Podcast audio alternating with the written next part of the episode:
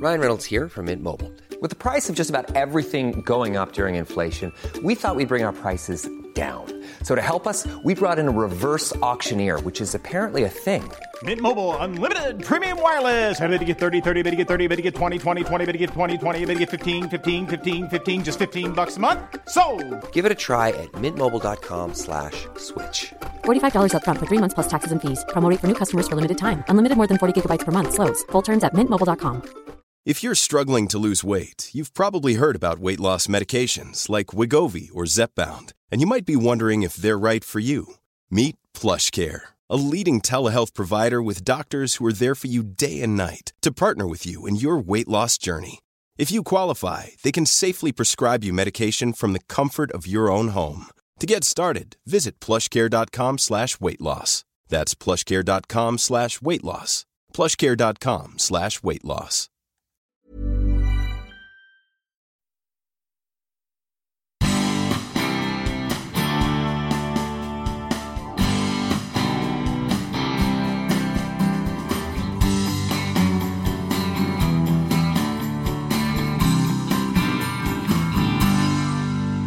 Särskilt som hela den här segregationen ju dessutom har sin grund i en socialdemokratisk samhällsplanering som har gått ut på att man ska ha människor eh, som bor i hyresrätter, de ska vara i vissa områden, de som bor i villor ska vara i vissa områden, kontor ska vara på vissa ställen, industrier ska vara på vissa ställen, handelsplatser ska vara på vissa ställen. Så har man ju skapat hela det här segregerade samhället som vi har. Och sen så börjar man skylla det på somalierna. Eh, men, men jag, tycker att det är, jag tycker att ett av problemen med de senaste årens eh, klimatdiskussion är just att man lägger väldigt mycket av det på individnivå. Och sen blir man förvånad över att det inte kommer upp i valet. Men det är klart att det inte kommer upp i valet om vi har påstått att allting bara handlar om vilka val man gör som individ. Ärligt talat så, så har jag ägnat ganska mycket tid under de senaste två åren till att följa koreansk popmusik. Hon var Miljöpartiets språkrör när det gick som allra bäst. Och det är kanske inte så konstigt när man lyssnar och diskuterar miljöfrågor och politik med Maria Wetterstrand. Maria håller en extrem skärpa i sina argument och har enligt mig dessutom ett intressant och underhållande sätt att framföra dem. Ibland var det dock svårt att hänga med i svängarna. Maria levererar nämligen åsikter och tankar i en rasande fart, ibland med överraskande vändningar. Hon ser helt nya sätt att vitalisera demokratin där partipolitiken kanske bryts upp. Alla från vänster till höger får sig en kraftig släng av sleven där vi pratar om valdebatten och den som tror att man räddar världen genom att bara dricka havremjölk, ja, den personen har inte hela bilden klar för sig. Men vi snackar inte bara politik och miljö. Det blir en hel del koreansk pop där jag själv insåg att jag gjort dålig research. Andra ämnen som avhandlas är biljardspelet snooker, dammsugning, att skälla ut butikspersonal om varorna håller låg kvalitet och varför Maria aldrig har lock på tomma plastbyttor. Dessutom avslöjar Maria vem hon helst skulle vilja diskutera politik med idag. Välkommen till ett långt och fullmatat avsnitt med Maria Wetterstrand.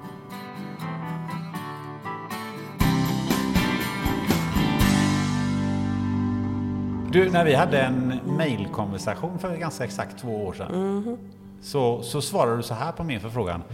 Jag har inte riktigt förstått grejen med podcast än. Känner mig väldigt gammaldags, smileys. Exakt.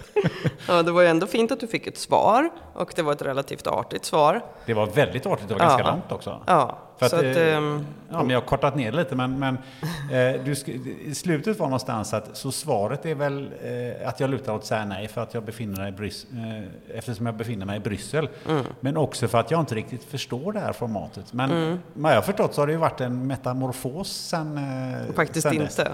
Den enda skillnaden är att jag nu själv gör en podcast. Och du måste ju ha någon... Jag förstår fortfarande inte poängen. Vem har du den med? Va? Vem ja, har- vem ja men med Alice Bah Kuhnke, som är EU-parlamentariker. Är det hon som har lurat in det där? Ja. Ja. Det har hon väl rätt i. Nej, men jag tänker, jag ser det ju bara som en möjlighet att få snacka med Alice en timme i veckan. Det är jättetrevligt. Det är perfekt. Det är nästan som att ha en kompis. Eller hur? Nästan som att ha en kompis. Maria Wetterstrand, välkommen till poddens spännande möte. Eh, vi, kan väl börja berätta var vi befinner oss. Det ekar lite grann, det hörs Mm. lite ljud i bakgrunden. Var är vi någonstans? Vi är i Bryssel, vi är på Miltons kontor, där Milton, där jag jobbar. Och Milton är inhyst i ett sånt här kontorshotell som heter The Library. Mm, fint. Och eh, det är en sån här gammal byggnad så det är väldigt högt i tak. Och eh, det gör ju att det ekar lite. Vi har ibland seminarier i det här rummet. Och det, ja, men det kan vara lite svår ljudmiljö faktiskt. Mm, Då, jag, jag, jag kan tänka mig det. Mm. Men vi lever med det. Vi är en storstad. Vi har lite bussar utanför också. Det har vi. Ja, det är så det ska vara. Eh, du, du bor ju här i Bryssel. Hur länge har du bott här? Jag har bott här i två år.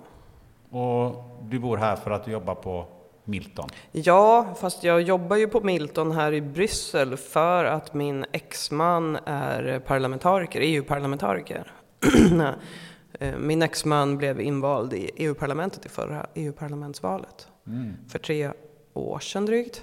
Och eh, för de finska gröna, Gröna förbundet som de heter i Finland.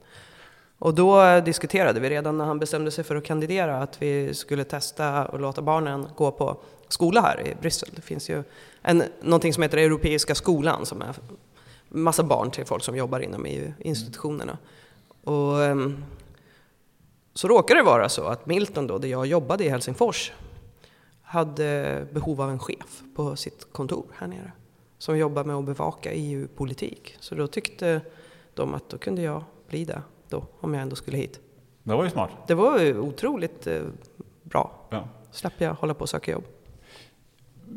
Därför det tänkte jag att eh, det måste ju vara annars vara svårt eftersom du bodde i Helsingfors tidigare. Mm. Om du har någon i Helsingfors och så mm, pendling med flyg där med barnen varannan vecka hade ju varit lite tufft. Nej, ja, precis. Nej, men det, då hade ju barnen bott med mig bara om vi hade bott kvar i Helsingfors.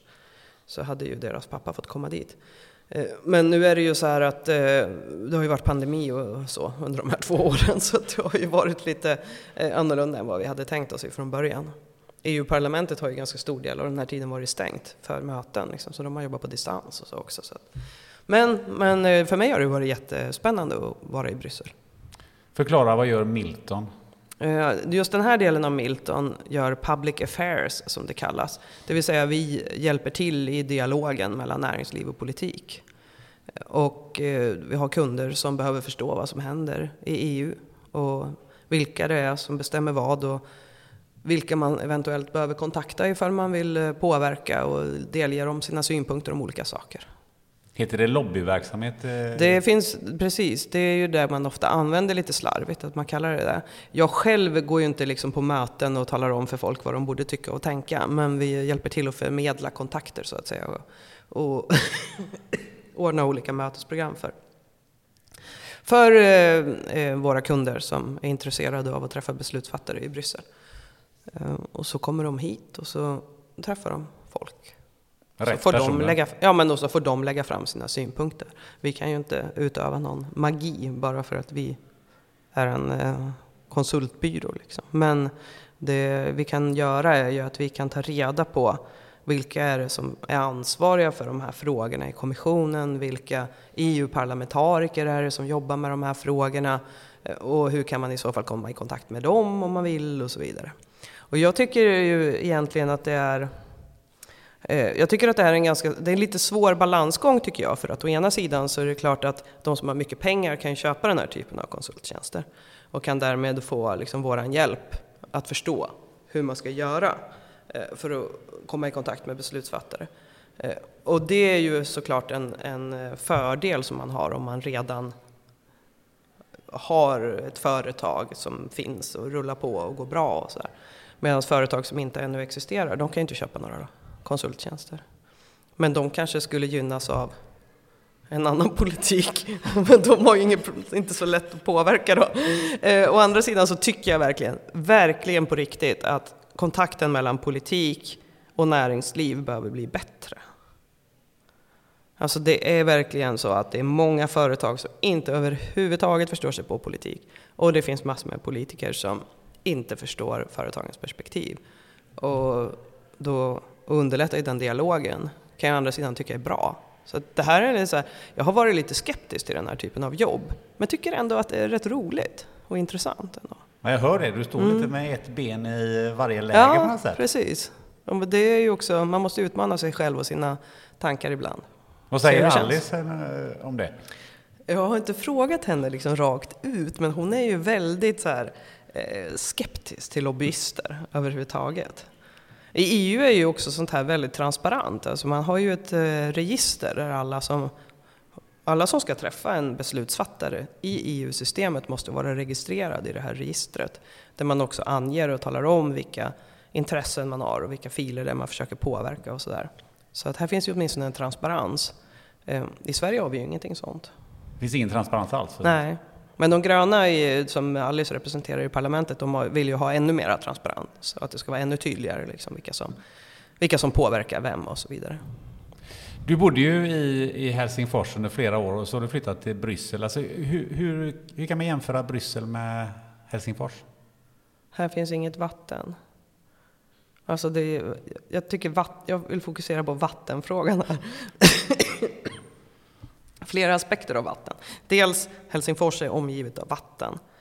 Det är ju, vart man än går, liksom tio minuter i någon riktning i centrala Helsingfors, så kommer man till vatten.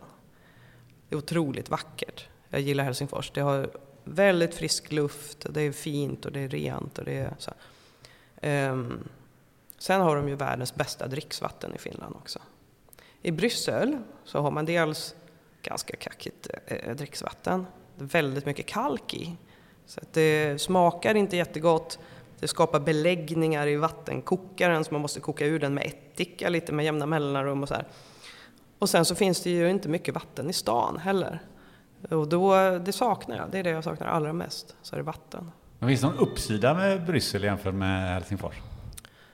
Ehm, Det är ju närmare om man vill eh, åka till andra europeiska städer. Det tar ju bara en och en halv timme med tåg till Paris och det tar två timmar med tåg till Amsterdam. Man kan åka till London på två timmar. Det är, så att det är ju väldigt eh, centralt placerat. Plus att det är en väldigt internationell miljö. Och det är ju spännande, tycker jag också. Att det är människor från massor med olika nationaliteter som befinner sig i Bryssel. Det blir som en eh, smält degel för Måste olika vara lite annan puls än i. än i Helsingfors. Ja, det har inte varit jättemycket puls då eftersom det varit corona en stor del av tiden och den här stan har varit nedstängd och man har inte, det har inte ens gått att gå på gymmet liksom, för att det har varit stängt. Frisörerna var ju stängda i nästan ett år. Vi fick klippa barnen hemma. Hur blev det? Ja men det var inte jag som gjorde det, det var deras pappa, men vi hade liksom frisersalong i mitt vardagsrum. Och, och eh, ja, jo, tur att, eh, tur att min son har lockigt hår, tänker jag. Då syns det inte så mycket. Den här podden som du har tillsammans med Alice Bah Kuhnke, den, den är ju rätt bra att lyssna på om man vill göra lite research. Eh, till exempel hur, hur du har det hemma. Eh, bland annat med, med öppna plastburkar överallt har jag förstått. Ja, De ligger i en låda, men de har inte locken fast på. Varför har de inte det? För att om man sätter på lock på saker så blir det ju en väldigt instängd miljö där. Det blir dålig luft liksom där inne. Och ehm, det- det känns inte bra för mig när saker blir liksom instängda. Hur ser det ut hemma hos dig annars? Det varierar beroende på om jag har städat eller inte. En gång när jag var, när jag var språkrör i Miljöpartiet så fick jag en fråga faktiskt när jag eh, jag träffade några andra miljöpartister på något besök i Västra Götaland tror jag det var. Och så hade vi någon middag och så var det en kvinna som satt bredvid mig så frågade hon så här, ja men hur går det att kombinera allting det här med barn och, och jobb och allting sånt. Och så sa jag som jag brukar säga, liksom, att, jag brukar, att jag försöker att skära ner på mängden kvällsaktiviteter så att jag ändå ska ha tid att vara med barnen. Och att det går väl helt okej. Och så sa hon så här, jag tror inte på dig. Va? Ja, nej, men jag tror inte på dig. Därför att sen är det ju det här med disk och städ och bla bla bla bla bla, allting som man behöver göra hemma, det kan ju inte funka. Och jag bara, nej nej, men det är ju totalt kaos hemma hos mig. Ah, ja, nu tror jag på. Så. nej, men det, under den perioden så var det mer kaos än vad det är nu. Och det är ju en prioriteringsfråga tycker jag. Om man liksom kommer hem och så har man jobbat jättemycket, då är det en prioriteringsfråga om man vill lägga den tiden man har på kvällen, där man eventuellt kanske kan umgås med sina barn, om man vill lägga den på att eh, städa och se till att allting är liksom tipptopp och i ordning och alla ytor är avtorkade och så vidare. Eller om man bara bestämmer sig för att man ignorerar det och sen så fokuserar man på de ytor som man kan vara på och göra någonting med. Tills det liksom eh, blir lite för stökigt och då så ägnar man en dag åt att städa. Jag har väldigt svårt att städa halvhjärtat också. Om jag städar, då vill jag liksom städa ordentligt. Jag kan liksom inte riktigt med det här att man, du vet, man dammsuger bara mitten av golvet eller någonting sånt. Det funkar inte för mig. Är det din personlighet så? Gå all in om det antingen... Antingen är det på riktigt eller så är det liksom inte alls. Jag vet inte om det är signifikant för min övriga personlighet, det får någon annan avgöra. Men när det gäller just städning så, så är det så. Det är ju ganska intressant annars, eh, det här, just det här spörsmålet. eh, Hur många män får den frågan? Om hur de städar hemma ja. Ja, Eller om det liksom man hinner ta hand om barnen och sådana grejer. Jo, det, jag tror att eh, det händer väldigt mycket oftare för kvinnor. Därför att eh, folk också vet att det är så. Att kvinnor i mycket högre grad tar ansvar för både barn och jobb och hem. Det är ju väl belagt att kvinnor lägger oerhört mycket mer tid på hushållsarbete och ta hand om barnen än vad män gör. Om man generaliserar så finns det förstås undantag. Men eh, så är det ju. Men det är ju ganska intressant att få det som politiker, för som politiker jobbar du ju lika hårt som männen. Ja, eller gör jag det? Jag vet inte. Det är, jag tycker ju också att eh, man har någon slags tillåtlighet som kvinna. Att faktiskt säga så här att nej men jag går inte på den här middagen ikväll därför att jag behöver vara med mina barn. Det är inte alls säkert att en man som säger samma sak, å ena sidan så kan det ju vara så att om det är en öppensinnad person så, så tänker han åh vad trevligt, åh gud, och så får de jättemycket beröm för att de någon gång prioriterar sina barn. Men om de skulle göra det liksom konsekvent hela tiden och säga det, så är jag inte säker på att en man skulle eh, mötas med samma acceptans för den typen av, av eh, beslut som en kvinna gör. Så att eh, när jag var språkrör så tror jag att Peter Eriksson jobbade många fler timmar än vad jag gjorde. Men det var ju också för att han hade inte små barn hemma och jag hade ju små barn och var dessutom eh, inte ensamstående men min dåvarande man var ju ganska ofta i Helsingfors. Så att ehm, jag tror nog att jag jobbade färre timmar än vad han gjorde också och jag tycker det var rätt beslut av mig att göra så. Men du kanske var effektivare därmed också? det vet jag inte. Hur effektiv kan man vara liksom? Det är ju möten och man ska prata, det är mycket människor liksom som man måste eh, diskutera igenom saker med och så. Så att, eh, ja, eh, ja, det är väl inte supereffektivt att gå på kungamiddagar heller, de brukade jag skippa oftast. Det är just kungamiddagarna. Ja, de brukade jag rationalisera bort. Eh, Jag vet att Karina Bergfeldt, vet inte, hon har ju ett eh, fredagsprogram eh, och det var ju Nils van der Poel var med nu sist eh, när jag tittade. Och eh, han hade då valt att sitta i so- tv-soffan eh, hos Karina Bergfeldt och inte vara på middag hos, med, med kungen. Jag var lite orolig för att eh, jag hade ju då tackat nej till, jag tror faktiskt alla inbjudningar till slottet eh, innan kronprinsessan och prins Daniels bröllop. Och då var jag lite orolig att jag inte skulle bli bjuden, för att det var ju så här, partiledarna blir ju ofta bjudna på den där typen av tillställningar. Men jag fick en inbjudan och då gjorde jag ett undantag och gick på den festen. Och det var ju någonting som jag inte ångrar, att jag tog den möjligheten. Och kungligheterna såg att åh, nu kommer äntligen Maria Wetterstrand. Det, det var ingen som hade saknat mig faktiskt.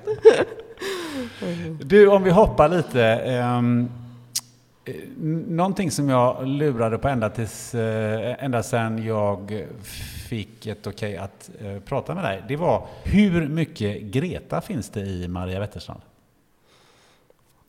Ja, men när jag var ung, ganska mycket tror jag.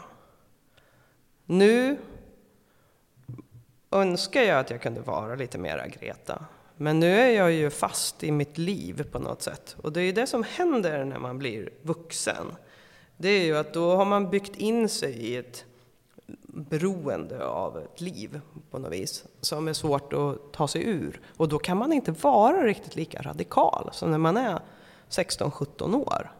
Och jag försvarar ju Greta hårt då när det var mycket kritik mot att hon fick uppmärksamhet trots att hon var så ung och varför lyssnar man på henne? Hon kan ju inte kunna någonting och sådana saker. Så försvarar jag henne väldigt eh, hårt faktiskt för att jag anser ju att i många avseenden så kan ju en person som är, som är 15 eller 16 eller så vara eh, minst lika klok som någon som är eh, 75. Just för att de är fria och tänka och se på saker på ett nytt sätt som inte är låst i gamla tongångar men det är inte heller låst i vad de själva lever för liv och gjort sig beroende av. Så att eh, därför behöver man ju man behöver ju verkligen ungdomarnas perspektiv in i debatten. Hur mycket var du, eh, Greta, när du var i den åldern? Ja, men jag var ganska mycket Greta då på det sättet att jag var, hade väldigt fria uppfattningar om saker och eh, tyckte också att de var de var väldigt centrala för mig för att jag skulle må bra, att jag engagerade mig och försökte göra någonting åt de saker som jag tyckte var fel. Sen kanske jag inte skulle ha skolkat från skolan och satt mig och demonstrera. Det skulle jag nog inte. Varför det? Där, därför att eh, jag var nog mera fast även då i liksom att man ska göra så som man ska. Man, säger, man ska gå i skolan. Jag skolkade aldrig från skolan. Eh, jag gjorde det en gång tror jag faktiskt för att gå ner på stan och vara med i någon manifestation som organiserades. Eh, men det var nog enda gången tror jag, när jag gick i sexan kanske. Men om du tänker, om du skulle vara 15 idag. Mm. Skulle du vara Greta, tror du? Jag vet inte faktiskt. Jag vet inte riktigt vad jag skulle ha gjort idag för att nu finns det ju sådana oerhörda möjligheter med sociala medier och nå ut och så. Men Greta tänkte ju, hon tänkte ju inte heller bli Greta. Alltså hon var ju Greta men, men hon hade ju inga plan. När hon bestämde sig för att hon skulle gå och sätta sig utanför riksdagen med sin skylt så hade hon ju inga planer på att bli Greta Thunberg, den bild som vi har idag av henne. Utan det enda hon tänkte var ju att, att eh, jag måste göra det här för att annars kommer jag att må så dåligt att inte jag kommer att kunna liksom, hantera mitt liv. Det var ju som en så här, nödvändighet för henne att hon behövde gå dit och protestera och göra den här insatsen. Och eh, det är ju också därför som jag tror att det har blivit så eh, effektfullt, alltså att det har fått sån effekt. Därför att hon har gjort det utifrån en väldigt genuin eh, frustration över hur sakerna ser ut. Och eh, inte utifrån att hon vill bli en sociala medier-stjärna eller en influencer. Och sen har hon blivit den kanske starkaste influencern av alla, just därför också. Och jag tror att det är, eh, det är någonting speciellt med genuinitet i, det här, eh, i den här världen. Men hur ska hon fortsätta och, vara influencer och eh, påverka politiken på ja, men Det kanske hon inte kommer att göra. Det kanske hon inte vill. Hon kanske liksom är klar med det. Eller så är hon inte klar med det och då hittar hon väl sina vägar att göra det. Jag tror att hon kommer ju alltid att bli, hon kommer ju att bli lyssnad på när hon vill. Därför att hon har skaffat sig en sån stor plattform, eller hon har skapats det har skapats åt henne en sån stark plattform. Så att hon kommer ju att bli lyssnad på. Det tror jag. Och därmed kommer hon också att ha en inverkan på de politiska beslutsfattarna. Man kommer hänvisa till henne och så vidare. Men det är klart att det blir ju inte samma sak att sitta utanför riksdagen och protestera varje fredag när hon är 35.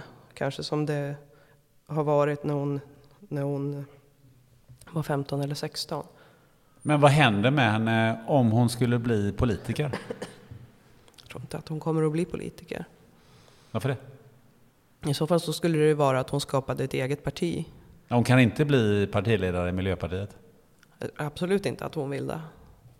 Men skulle hon kunna bli det? Skulle, skulle Miljöpartiet vara ett parti för henne?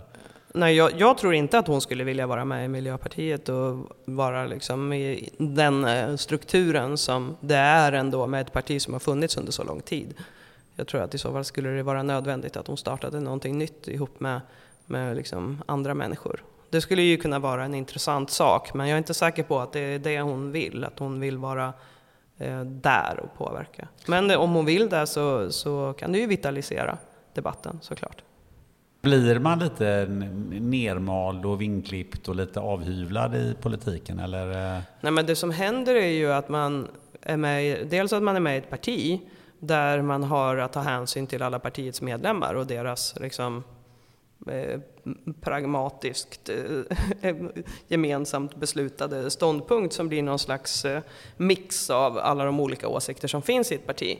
Eh, så det är ju, därmed kan man ju inte bara företräda sin egen uppfattning utan man företräder ju hela den gruppen av människor. Och sen har man dessutom en väljarkår som man ska ta hänsyn till. Men sen när man kommer i en sån position att man kan få inflytande eh, över de politiska besluten, Eh, då är ju det ofta utifrån att man samverkar med andra partier dessutom.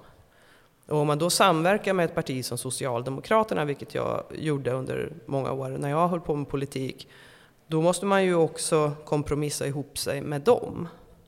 Och då måste man ju också kunna stå för den kompromissen som man gör. Och då hamnar man ännu kanske lite längre ifrån vad man själv ursprungligen egentligen tycker. Även om man kan försvara förstås att man har gjort kompromissen, annars ska man ju inte göra den. Eh, så att på det sättet så blir man ju, man, man blir ju både pragmatiserad eller kompromissad i vad man måste företräda för åsikter. Men sen finns en annan aspekt av det också och det är ju att när man vet, man är 17 år och man har de här radikala uppfattningarna om hur saker borde vara. Och man tycker man är klokast i världen och att alla människor kommer nog att tycka som jag om jag bara lyckas förklara tillräckligt bra vad jag menar.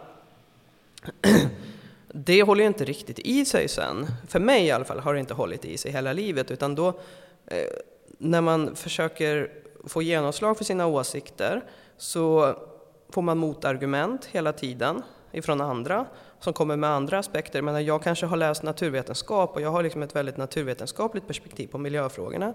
Och så kommer någon annan med ett socialt perspektiv eller med ett ekonomiskt perspektiv. Eh, och då måste man, man blir ju påverkad av de människor man möter under livet också. Och då tar man till sig fler och fler perspektiv och då blir saker mer och mer komplicerat med åldern. Och, och då är det svårare att eh, vara liksom bara företräda ett superradikalt naturvetenskapligt perspektiv. I alla fall är det så för mig. Även om jag fortfarande kan tycka att väldigt mycket av de argumenten som jag stod för när jag var 17 fortfarande håller. Eh, det vill säga att om man inte löser miljöproblemen då kommer man ju även få sociala och ekonomiska problem i längden. Eh, men samtidigt så måste man, man måste göra det på ett sätt så att man tar hänsyn till de människor som finns här och nu och vad som händer med, med eh, företag, vad som händer med människors vardagsliv och så vidare. Eh, och det blir en knepig ekvation som är mycket svårare än i alla fall vad jag tyckte att den var när jag var 17. Så tycker jag, nu tycker jag att den är svårare. Hur hamnade du själv i, i, i det här att du hamnade i politiken? Jag tror att det var helt nödvändigt. Nödvändigt på vad sätt? Ja, nej men jag, jag tror att eh, jag hade hamnat där förr eller senare oavsett vad jag, vilken väg det hade gått. Jag tror också att jag hade hamnat i Miljöpartiet oavsett. Eh, jag tror inte på ödet alltså. Det är inte så att jag tror att saker är förutbestämda. Det tror jag absolut inte. Men eh, jag blev engagerad, nu som, som det föll sig så var det så att jag började engagera mig när jag var 14-15 år. Vad var det som fick dig att Det var väckas? ju insikten om eh, orättvisorna i världen och eh, den ohållbara resursförbrukningen och vår påverkan på miljön och vad det kan få för långsiktiga konsekvenser för människans liv på den här planeten. Liksom. Det är ganska ansvarslösa, kortsiktiga tänkandet. Det var det som gjorde att jag började engagera mig. Och eh, det var val 88. Men var det någon speciell valfråga då, eller vad var det för någonting? Som nej, var nej, det var alltså, ja, men resursförbrukningen i stort, det här slit och släng-samhället kan man väl säga. Eh, som var, som var liksom min ingång. Och också att resursanvändningen i världen är så fruktansvärt orättvis mellan den rika och den fattiga delen av världen. Så, så de frågorna i kombination kan man väl säga. Sen, sen eh, var det ju val 88 och Miljöpartiet kom in i riksdagen för första gången då. Och då var ju de mycket i fokus också i media. Och eh, ja, vi, vi, fick inte någon politisk information på min skola från Miljöpartiet, vi fick bara ifrån Socialdemokraterna och Moderaterna. Och jag tyckte de var lika koko båda. Så då bestämde jag mig för att jag skulle gå med i ett annat parti. Och då bad jag min mamma, som då var lärare på en gymnasieskola, jag själv gick i nian, då bad jag henne ta hem, eller åttan kanske, ja, nej nian. Ja, jag bad henne ta hem information om Miljöpartiet eh, som, hon hade, som de hade fått liksom, till hennes skola. Och så läste jag det och så bestämde jag att jag ville gå med. Men det är inte egentligen rätt fråga, så här, varför gick man med? Utan den rätta frågan är egentligen, varför blev man kvar? Mm. Det är massor med människor som går med i politiska partier, men det är ganska få som fortsätter att vara engagerade i ett parti. Många slutar efter några år. Så, så svara på den frågan. Jag ska få svara på den frågan som jag nu ställde till ja. mig själv. jag tyckte det var en bra fråga, ja. uppenbarligen. Um, ja, men huvudsakligen för att det var roligt. Jag fick träffa dels andra ungdomar som också var engagerade i samma frågor som jag. Jag hade inte jättemånga kompisar som var, var superengagerade på det sätt som jag var. Så det, det var ju roligt och inspirerande. Och du vet, man är 15-16 år och man åker iväg en helg på någon kurs och träffar en massa andra roliga, gulliga människor. Så, så det var väl en sak. Men sen var det också, för mig var det också väldigt fascinerande Eh, att komma med i en organisation med vuxna människor som också var engagerade i samma saker. Och eh, som tog en på allvar. Jag tyckte att Miljöpartiet var väldigt bra på att ta ungdomar på allvar. Och det uppskattade jag väldigt mycket. Så det, jag känner mig väldigt välkommen i Miljöpartiet och jag tror att det är ju ofta en orsak till att man blir kvar. Och det kan ju gälla samma saker i, i andra, dels i andra partier men också i andra miljöer. Jag tänker ibland på varför hamnar människor i gäng och ja, men varför, varför hamnar man kanske i en radikal grupp eller i... Men det kan, det, det kan ju ganska ofta vara så att man, man eh, känner sig välkommen i ett sammanhang. Och det har en väldigt stor betydelse för att man, man blir kvar där. Och att det är svårt att ta sig ur också. Nu hade inte jag någon önskan om att ta mig ur Miljöpartiet just, men, men man, man skaffar sig ju sitt sammanhang på något vis. Och jag hittade det i Miljöpartiet.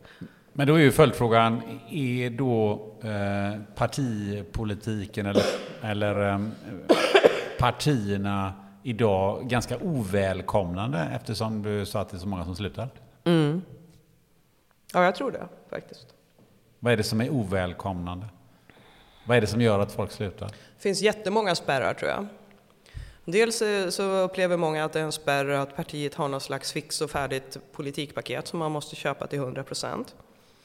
Eh, så är det i praktiken kanske inte riktigt, därför att man har ju ändå en demokratisk process och man kan ha sina synpunkter och man kan ändra, partier ändrar uppfattningar ibland och sådär.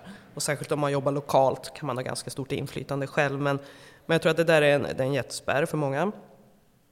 Man måste tro att man måste försvara hela paketet. Eh, sen så tror jag också att eh, ehm, jag tror att det är så också att ehm, i partierna när man kommer in där, då, ibland är det ju redan ett liksom, sammansvetsat gäng som kan vara svårt att få tillträde till. Ibland kan det vara att det finns någon slags falangbildning som man inte kände till innan man gick med, där man blir indragen i den ena eller andra falangen och det blir liksom mera på personnivå än att det blir liksom någon slags kreativ politisk miljö och möjlighet att prata om politiska frågor som kanske var det man själv ville göra. Det kan också finnas maktkamper och strukturer som gör att, att man eh, eh, kanske har svårt att bli lyssnad på för att andra är intresserade av att behålla sina positioner. Eh, så, så det, kan finnas, det kan finnas ganska många liksom, spärrar för att eh, bli kvar om man nu ens har tagit steget att gå med i ett politiskt parti. Så, så att ehm, eh, det finns en del partierna själva kan göra åt det, men en del saker är liksom som inbyggda i systemet nästan. Och jag tror, nästan, jag, jag tror faktiskt att man skulle behöva öppna upp eh, valsystemet så att man kan få fler människor att kunna bli valda till politiska församlingar utan att nödvändigtvis vara knuten till ett parti. För det är inte riktigt bra. Det är till och med verkligt problematiskt att eh, demokratin bygger på det fåtalet människors politiska engagemang som är med i politiska partier. Och eh, av de som är med, det, det, är ju ett par procent liksom, som är med i något politiskt parti överhuvudtaget. Och av de som är med i partier så är det en liten andel som är aktiva. Och det är bara de som överhuvudtaget kan komma i fråga för att vara kandidater till politiska församlingar. Även om det kan finnas människor som är superengagerade i samhällsfrågor och som har ett jätte, eh, jättestor kunskap och ett stort förtroende i befolkningen som skulle kunna bli invalda. Men som i dagens system liksom inte riktigt har möjligheten att ens vara kandidat. Eh, och jag tror att i längden, även om partierna, liksom tanken med partierna är ju att man ska ha en demokratisk struktur bakom representanterna, så att säga. Och det är ju en styrka förstås. Men det blir också enormt begränsande när det bara är de som, som har en koppling till de här partierna som är de enda som kan vara valbara som folkets representanter. Liksom. Är det, är det dags att eh, ehm, förändra det politiska systemet? Ja, men jag, tror, jag tror att man behöver, man behöver reformera det här på något sätt. Och man kan ju börja med att testa det på lokal nivå, att man har, att man har möjlighet till friare kandidaturer. För på lokal nivå, jag, jag kommer från Eskilstuna, låt oss säga att det finns Eh, Eh, engagerade människor i Eskilstunas lokala eh, liv, näringslivet eller kulturlivet, eller som människor faktiskt känner. Det kan ju vara en lärare också som är väldigt aktiv, eller så här, som människor känner och har förtroende för och vet vad de står för och som man vill välja som sin företrädare i kommunfullmäktige. Eh, så kan jag ju tycka att det skulle vara helt bra att man kunde göra det utan att den personen behöver ha ett politiskt parti. Så att säga. Man kan också tänka sig att man börjar med en reform där man har Alltså att man, man, skulle kunna tänka sig att man börjar med en reform där de politiska partiernas listor är eh, friare, så att säga. Nu har man ju rangordnade listor i Sverige. Det vill säga partiet rangordnar kandidaterna åt oss. Och vi kan på sin höjd kryssa en person som om den får ett tillräckligt antal kryss kan då bli uppflyttad. I Finland där har partierna icke rangordnade kandidatlistor. Det vill säga, de bara nominerar ett antal personer. Och sen är det väljaren själv som väljer vilken av dem de vill rösta på.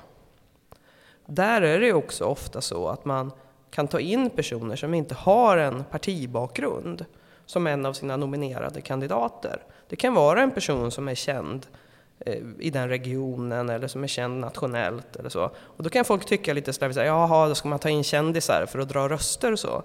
Men det har ju också faktiskt den fördelen att man kan få in personer som har människors förtroende men som inte har en partibakgrund som kommer in i politiken. Eh, så eh, det är också en metod man kan använda sig av. Partierna själva kan också välja att vara mycket friare i vilka man sätter upp som kandidater. Men då, mm, problemet med de senare förslagen är ju då att då är man fortfarande knuten till ett parti. Och jag skulle gärna se att man hade system där man kunde ha lite, eh, ja men man kan ha det som en möjlighet vid sidan av det andra, liksom, att man kan kandidera utifrån ett, ett fritt mandat. Ja, för det, det är väl kanske en vidareutveckling för demokratin som sådan också, som ju i, i, många, många stycken ifrågasätts idag som överhuvudtaget som ett, som ett bra system av vissa. Ja, det är väl inte så att det är så många som ifrågasätter demokratin liksom i grunden, men eh, sättet så som den fungerar på idag, eh, det, det är ju många som ifrågasätter. Nu har ju vi ett väldigt högt valdeltagande i Sverige, eh, till skillnad från i många andra länder. Det var det Litauen som hade val nyligen. De hade väl knappt 50 procent valdeltagande. Det är ju någon slags underkännande till, till det system som man har. Eh, eller till de politiker man har. Om vi nu är inne på val, eh, för vi har haft ett val i Sverige eh, precis. Hur har det varit att följa valet så här utifrån, sittandes i Bryssel? Ja, men senaste valet som jag var engagerad var ju 2010. Så det har ju varit ganska många val efter det som jag inte har varit engagerad i och det är ju bara jätteskönt. Jag tänker på att du sitter här i, Europas hjärta, vad man ska kalla det för, och ser på, på Sverige kanske på ett annorlunda sätt och, och dessutom kanske har influenser från andra människor som, som bor här som, som ser på Sverige. Hur, vad, vad får du för Jag är så bild? låst i mina uppfattningar, det spelar ingen roll var i världen jag befinner mig. Nej. Jo, men, men det är okej att du inte ändrar din egen uppfattning. Det är inte det jag menar. Men jag Nej, menar liksom men- så här. eh, Hur, hur, hur ser Sverigebilden ut eh, i, i Bryssel om man har lite bäring på valet? Ja, men just nu så är det ju mycket diskussioner faktiskt om eh, framförallt Liberalernas ställningsta- ställningstagande att vara med i den här regeringen som då har, har sin bas liksom i ett eh, främlingsfientligt eh, högerextremt parti. De får ju enormt mycket kritik av sina partivänner i den EU-parlamentets liberala grupp för att de har gått med på det här. Men om vi tar valrörelsen det- till, till att börja med. Vad, hur uppfattar, uppfattar du den senaste valrörelsen? Jag tyckte att den var väldigt eh, obehaglig och deprimerande. På vad sätt då? Jag tycker att man har fått en sån eh, acceptans för uttryckssätt som är eh, ja, men, eh, i det närmaste rasistiska kan man väl säga. Att man både ifrån höger och vänsterhåll pratar om människor utifrån deras etniska bakgrund eh, på ett sätt som är väldigt svepande och därför blir nästan till rasistiskt för att man på något sätt gör skillnad på människor utifrån etnicitet. Att är man liksom svensk, född sedan generationer tillbaks, då utgör man inget problem. Medan de här andra människorna, särskilt de som bor i vissa typer av områden, de är liksom generellt problematiska för det svenska samhället. Man börjar prata om att så här, ja, men det skulle inte få vara mer än högst 50 procent med utomeuropeisk bakgrund i vissa områden och sånt. Eh, och även om man då inte har följt upp det med någon form av politiska förslag så är ju faktiskt hela den tanken är ju liksom någon form av apartheid-tänkande. Att utifrån vilken etnisk bakgrund man har, varifrån i världen ens föräldrar kommer, så, så ses man som eh, ett problem eh, ifall man bor på samma ställe. Alltså det där är ju ett sätt att uttrycka sig på som inte hade varit överhuvudtaget acceptabelt för 20 år sedan. Eh, och jag tycker ju att det är ociviliserat alltså, att prata om folk på det sättet. Jag tycker att det är en sak att prata om invandring och prata om vad man vill ha för invandringspolitik. Det är en helt annan sak när man börjar prata om människor utifrån deras etniska bakgrund eller utifrån huruvida deras föräldrar har eh, sitt ursprung i ett annat land eller kanske till och med mor, morföräldrar och farföräldrar i vissa fall. Vi har ju haft invandring i Sverige i jättemånga generationer. Ehm, och peka ut den gruppen som någon form av generellt problemskapande. Tänk vad mycket människor vi har i Sverige som jobbar och sliter varenda dag i alla möjliga typer av yrken. Som har sin bakgrund i något annat land. I ett utomeuropeiskt land eller ett inomeuropeiskt land.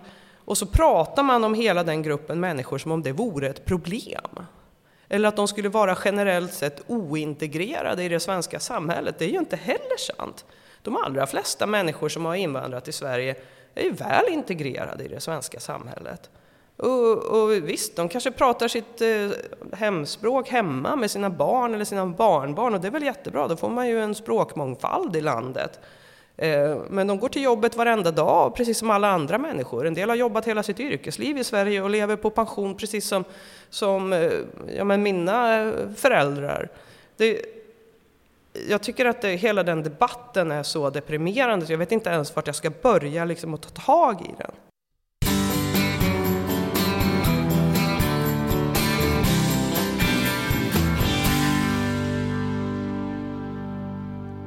Väntar du, eller någon i din närhet barn? Ja, då kanske ni har funderat på om det finns en sannolikhet att fostret har en kromosomavvikelse.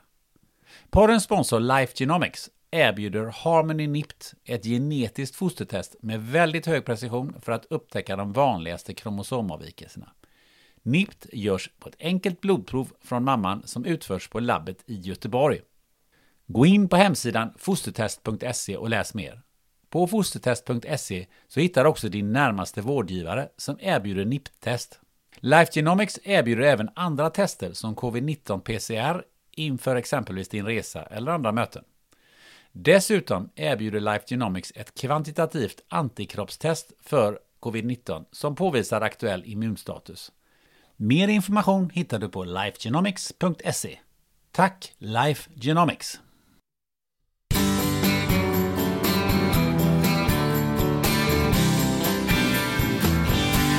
Du sa både från höger och vänsterhåll. Det finns ju ett parti som, som, som ju eh, eh alltid har hävdat eh, de, de sakerna som, som du säger nu. Men menar du att det även kommer från, från vänsterhåll? Det var, det var ju Socialdemokraterna som tog upp den här, började prata om att eh, vi inte skulle ha mer än 50 procent av människor med utomeuropeisk bakgrund i vissa områden. Eh, och det var ju Socialdemokraterna som började prata om eh, Somali towns, som om alla människor från Somalia skulle vara ett problem liksom, i det svenska samhället, trots att massor av människor från Somalia jobbar och sliter och, varenda dag och kämpar i skolan och försörjer sig själva. Och, menar, att det skulle vara ett problem om de bodde då på något särskilt ställe.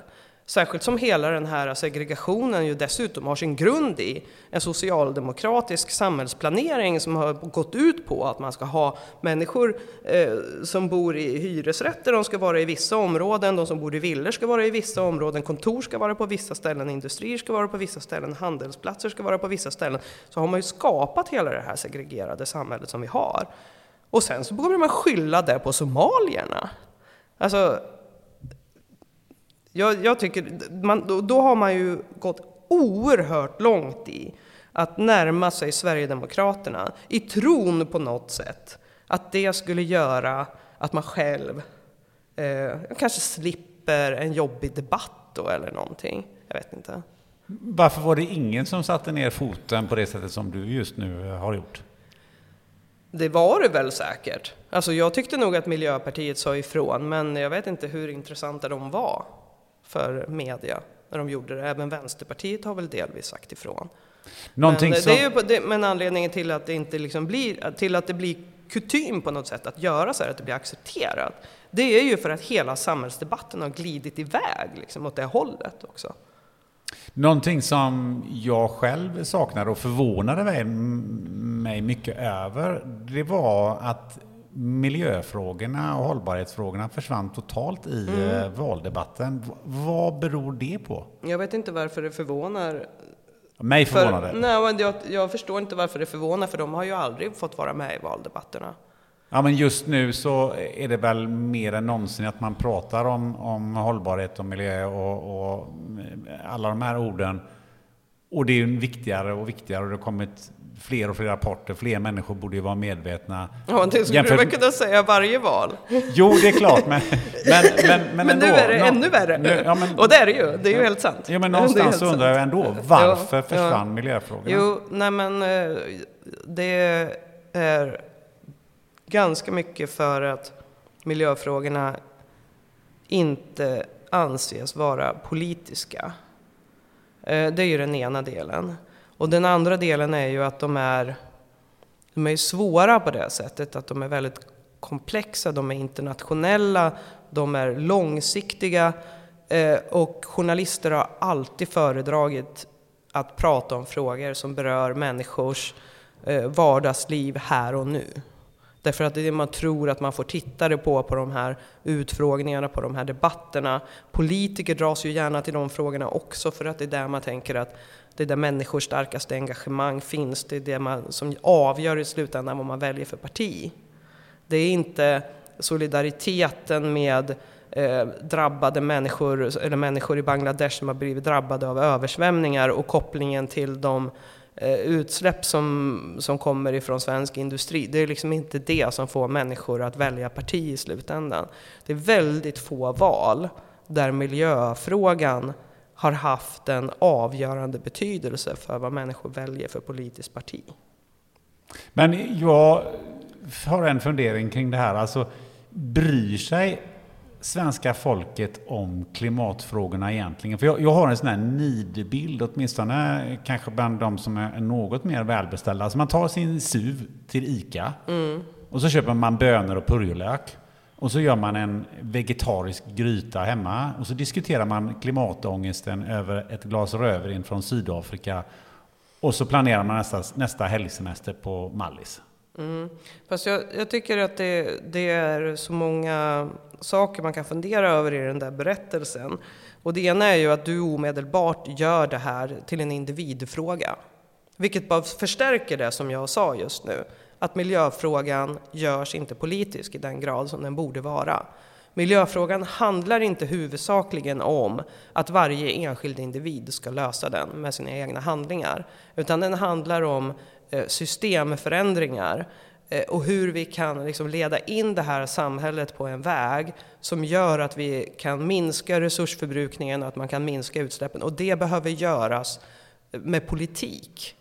Det kommer inte att ske av en massa olika skäl så kommer det inte att lösa sig genom att eh, individen själv väljer att göra det ena eller det andra. Sen har, kan det ha betydelse, det kan ha betydelse delvis naturligtvis, men om man ändrar livsstil eller vanor så kan det ha betydelse för utsläppen.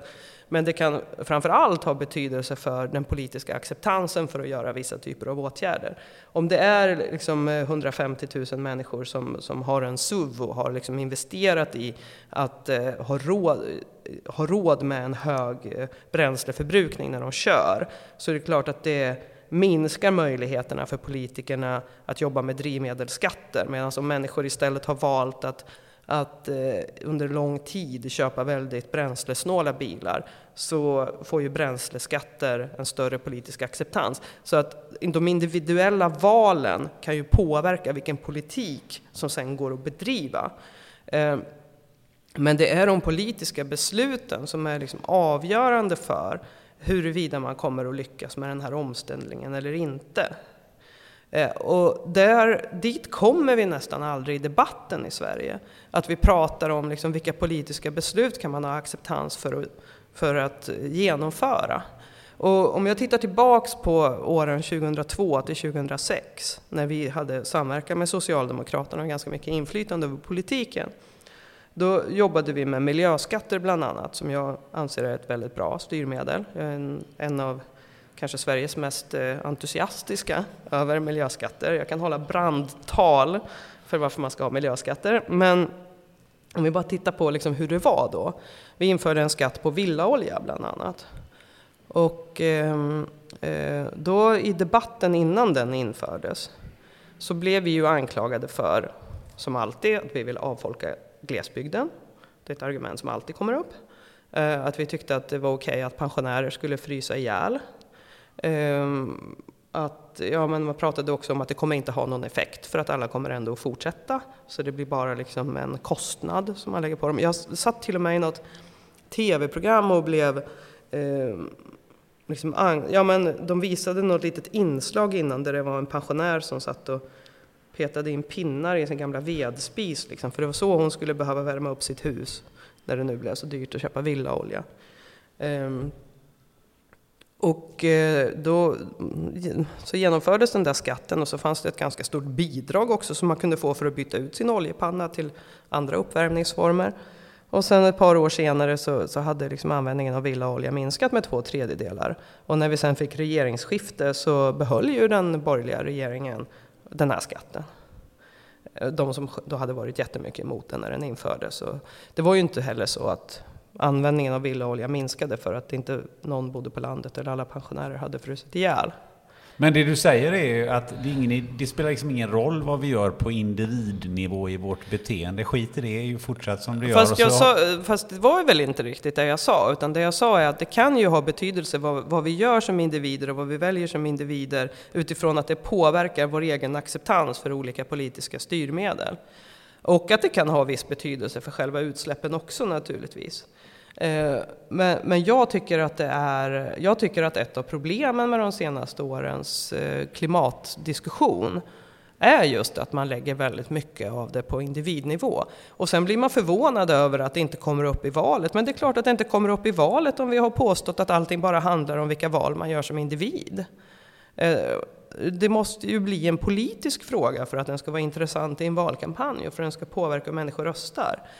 Men saken är ju den att man, man frågar människor så var, var, vem de tycker är mest ansvariga för klimatfrågan, då, då, svarar ju många politiker att de tycker att det är politiker som ska ta ansvar. Man svarar väldigt ofta också att man vill ha eh, mer politisk styrmedel och så för att rädda klimatet. Så på ett generellt plan så tycker alla att det är jättebra med klimatpolitik. Men sen varje gång man kommer till de enskilda förslagen, som till exempel den höjda skatten på villaolja, så möter man ändå motstånd. Och det är min erfarenhet att det här händer gång på gång på gång på gång. Antingen så är det motstånd ifrån um, hushåll eller liksom medborgare eller så är det motstånd ifrån näringslivet för olika typer av, av förslag. Och eh, sen genomför man dem och då blir de oftast accepterade i efterhand. Men det är en enorm kamp för varje enskilt politiskt beslut som förflyttar liksom, politiken i en riktning mot mindre klimatpåverkan. Men då kan man ju ha en fundering nu då. Eh, för nu eh, har vi elpriser som vi ju aldrig sett maken till förut och kommer få ännu högre elpriser. Ehm, det hade man ju aldrig kunnat genomföra genom att lägga på så mycket skatt. Men resultatet av de här elpriserna visar sig ju redan nu. Mm. Att folk sparar väldigt mycket el. Eh, många gör precis som jag, skaffar solceller och alla möjliga andra energibesparande mm. åtgärder som du aldrig hade nått. Mm. Är det sådana radikala händelser som ska till för att det ska bli någonting på riktigt? Ja, men den kostnadsökningen visar ju liksom hur, eh, hur känsliga vi är för, för vad som händer i omvärlden också. Och det kan ju vara ett uppvaknande på sätt och vis. Eh, och jag tror att om man hade jobbat, låt oss säga att man hade jobbat med miljöskatter på ett sådant sätt som, som jag, jag tycker redan ifrån 90-talet. Vi har ju infört miljöskatter successivt men det är ju fortfarande miljöskatterna är ungefär, eh, jag tror 2,5 procent eller något sånt där av BNP i Sverige, väldigt lite eh, jämfört med moms till exempel eller skatt på arbete, arbetsgivaravgifter, sociala avgifter. Ehm, är ju mycket, mycket större andel av, av BNP. Eh, miljöskatter är väldigt liten. Eh, jag hade ju velat se ett skifte där. Så att miljöskatternas andel av liksom skatt, den totala skattebasen skulle då öka. Och skatterna på arbete skulle då successivt minska. Om man hade jobbat så liksom systematiskt sedan 90-talet. Då tror jag också att då hade man ju kunnat komma till en nivå där man har avsevärt högre skatter utan att det behövde få jättestora sociala konsekvenser. Eh, det är det som är problemet med den här energikrisen. Det är ju att den kommer väldigt plötsligt. Det är ingen som har haft tid att förbereda sig. Och eh, hade, hade det varit så att det här hade varit någonting som hade kommit successivt och vi hade jobbat systematiskt med energieffektivisering under lång tid för att göra oss mindre eh, sårbara för den här typen av saker då hade vi ju inte drabbats lika hårt nu. Och på, och på sätt och vis kan man väl säga att vi har inte drabbats lika hårt som en del andra. Därför att vi har ju väldigt lite fossilt i vårt eget energisystem i Sverige. Eh, så på det sättet så, så, så har vi ju kommit lite kanske lindrigare undan. Men samtidigt så är ju vi påverkade av vad som händer i resten av världen. Och så ska vi ju lösa det med eh, någonting som eh, du kanske inte gillar så mycket, kärnkraft. Ja, det där är ju en sån intressant fråga i Sverige tycker jag. Hur ser du på den svängningen? För eh, det var ju någonting man inte skulle ha för ett tag sedan. Ja, det går ju fram och tillbaks hela tiden. Sen händer det någonting någonstans och då blir det kärnkraftsmotstånd igen. Så det där är ju lite eh, intressant. Men den här drömmen om att man skulle kunna få tillbaka någon situation där man har superbillig kärnkraft. Den är ju också inte baserad på verkligheten tycker jag. Det är någon slags, jag menar, folk kan tycka så att vi i Miljöpartiet har varit så här rabiata motståndare, men det finns ju också i Sverige ett rabiat, eh, en rabiat kärlek, nästan religiös kärlek till kärnkraft också. Och allt det där har ju sin grund i den här folkomröstningen vi hade 1980. Där det är fortfarande nästintill så att om man tillhör då kärnkraftsälskande falangen då får man knappt prata om energieffektivisering, därför att det var argumentet för liksom kärnkraftsmotståndarna 1980. Och om då man nämner energieffektivisering, jag var på en konferens här för, för några veckor sedan där jag var moderator för en diskussion som handlade om energifrågor. Och när då en person från den här kärnkraftskramarsidan eh, nämner energieffektivisering, då är han tvungen att säga omedelbart, fast jag är alltså också för kärnkraft. Därför att annars kan man bli liksom inmålad i det här kärnkraftsmotståndarhörnet om man säger energieffektivisering. Och den där låsningen är ju nästintill total. Men hur låter det i andra hörnet? Och i den andra hörnet så låter det ju som så att om någon säger kärnkraft så bara stänger man öronen så lyssnar man inte. För det tycker man inte att man vill ha. Och de har ju mer rätt då, som är på den sidan, tycker jag. men, men om man, om man, nu har vi liksom en situation där förnybara energikällor är billigare än vad de någonsin har varit tidigare. Sverige har dessutom kanske topp fem bästa förutsättningarna i världen för att bygga ett förnybart energisystem. Varför då? Därför att vi har redan utbyggd vattenkraft som ger oss ja, men mer el per capita än vad vi hade på 80-talet. Eh, mer el per capita än vad man har i genomsnitt i de flesta andra europeiska länder dessutom. Eh, vi har vindkraft som vi dessutom redan har byggt ut och som passar jättebra ihop med vattenkraft, för när det inte blåser kan man köra mer vattenkraft, när det blåser mycket kan man köra mindre vattenkraft. Vi har också jättebra förutsättningar för solenergi, men inte minst har vi också jättemycket biomassa eh, och, eh, ett uppbyggt fjärrvärmesystem som kan eh, nyttiggöra de restprodukter som kommer ifrån, från skogsindustrin som vi har gott om. Så liksom, om inte vi i Sverige kan bygga vårt energisystem på förnybart utan tycker att vi behöver, som svenskt näringsliv nu då driver, eh, tio stycken kärnkraftreaktorer av den storlek som man nu har byggt i Finland, som dessutom har varit svindyr.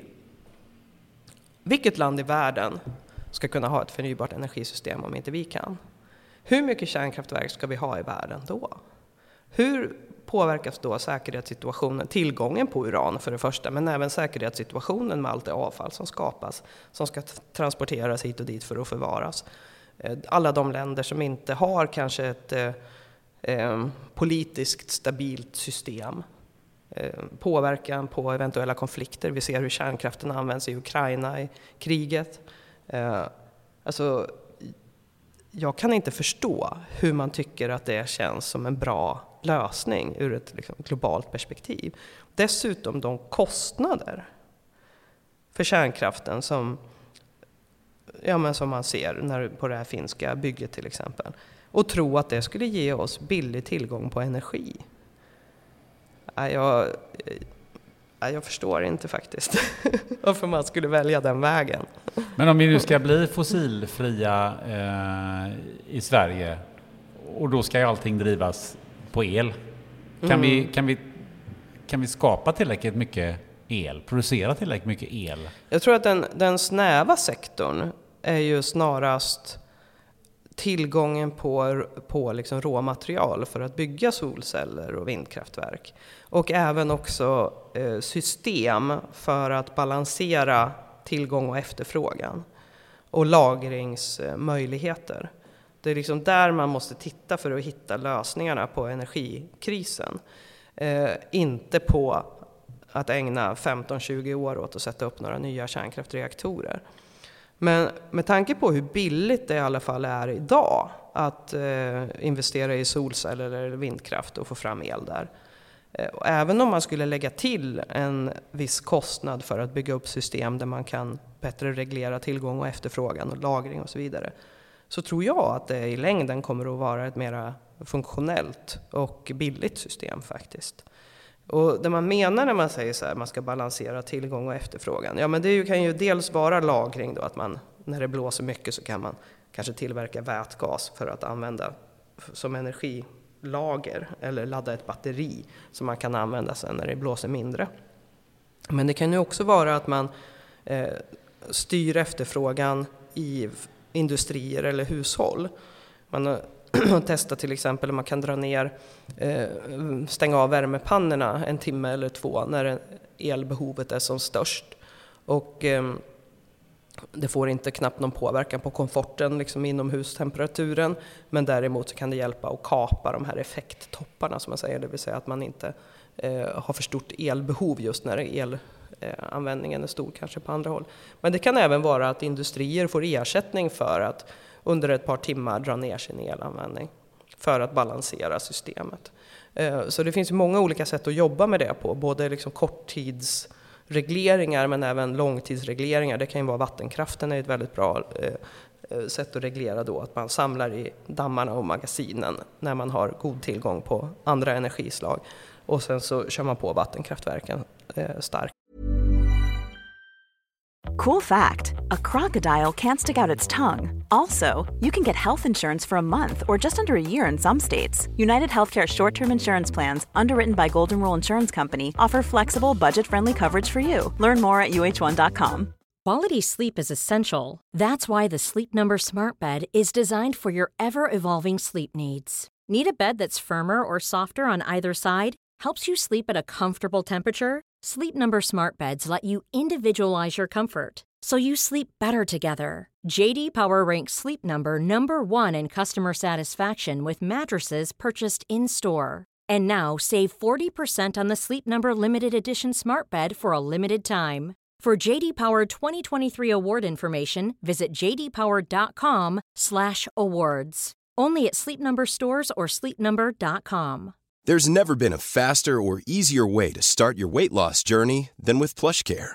PlushCare accepts most insurance plans and gives you online access to board-certified physicians who can prescribe FDA-approved weight loss medications like Wigovi and Zepbound for those who qualify. Take charge of your health and speak with a board-certified physician about a weight loss plan that's right for you. Get started today at plushcare.com slash weight loss. That's plushcare.com slash weight loss. plushcare.com slash weight loss. När det är större behov och mindre annan tillgång. Så att det finns ju, det finns ju liksom många olika lösningar men man har på något sätt snöat in på att eh, det ska vara liksom nya kärnkraftverk som ska lösa det här. Tillbaka till det vi har haft. För att det funkade förut tycker man, var det billig el. Så. Eh, men det betyder ju inte att det kommer att funka så framöver. För kärnkraftverk som byggs idag eh, är mycket dyrare än de vi byggde. Det är någonting man använder el till, det är ju att eh, laga mat. Och det eh, för mig in lite på den här matfrågan och miljön. Och det här tycker jag är, är, är... Nu kommer jag till någonting som jag känner att jag har gått och grunnat på hur länge som helst och som jag känner att är väldigt eh, otydligt i debatten. Eller så är det tydligt, vad vet jag. Eh, men det, man pratar ju om att vegetariskt, det är det man ska äta, man ska leva på det. Vad är problemet med att äta kött? Eh, det som är det stora problemet med kött är ju att det tar jättemycket mera energi att bygga upp ett kilo protein i en ko än ett kilo protein i en växt. Ungefär tio gånger mer. Det betyder att man behöver först odla det som djuren ska äta. Och sen äter man djuren istället för att man odlar det man själv ska äta. Och eh, det innebär ju att, att det blir liksom en totalt sett större mängd mark som man behöver använda för att få fram det där Eh, proteinerna i kött än vad man behöver för att göra det med grönsaker. Men eh, sen har ju kött har ju också positiva sidor eh, ur miljösynpunkt. Inte, det finns inte så mycket positivt i att ha en lagård med jättemånga instängda grisar. Eh, men däremot så finns det ju mycket positivt ur miljösynpunkt med att ha betande djur till exempel på eh, olika typer av betesmarker som kan skapa biologisk mångfald. Till viss del kan man väl säga att all typ av köttproduktion skapar någon form av gödsel också som man kan använda sen på grödor, så någon slags balans mellan eh, djurhållning och växtodling eh, kan ju också vara bra ur ett systemperspektiv så att säga. Så att eh, det, det, finns ju miljöargument och klimatargument inte minst emot kött. och det finns vissa miljöargument för också. Sen är det ju också att eh, kossorna, just kossor, nötkreatur, de som har eh, idisslare, som man säger, de släpper ju också ut metan.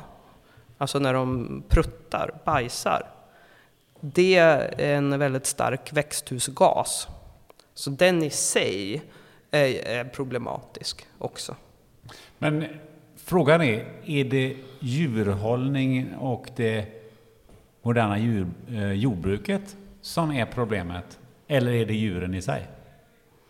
Ja, men det är ju, båda de sakerna har ju en, en viss inverkan på, på miljön. Och eh, beroende på vem du frågar så kanske de tycker att det är olika saker som är viktiga. För mig är det nog mera, eh, nu äter jag ju kött ibland, inte jättemycket och inte så mycket nötkött, men för mig är det mera själva resursförbrukningsfrågan.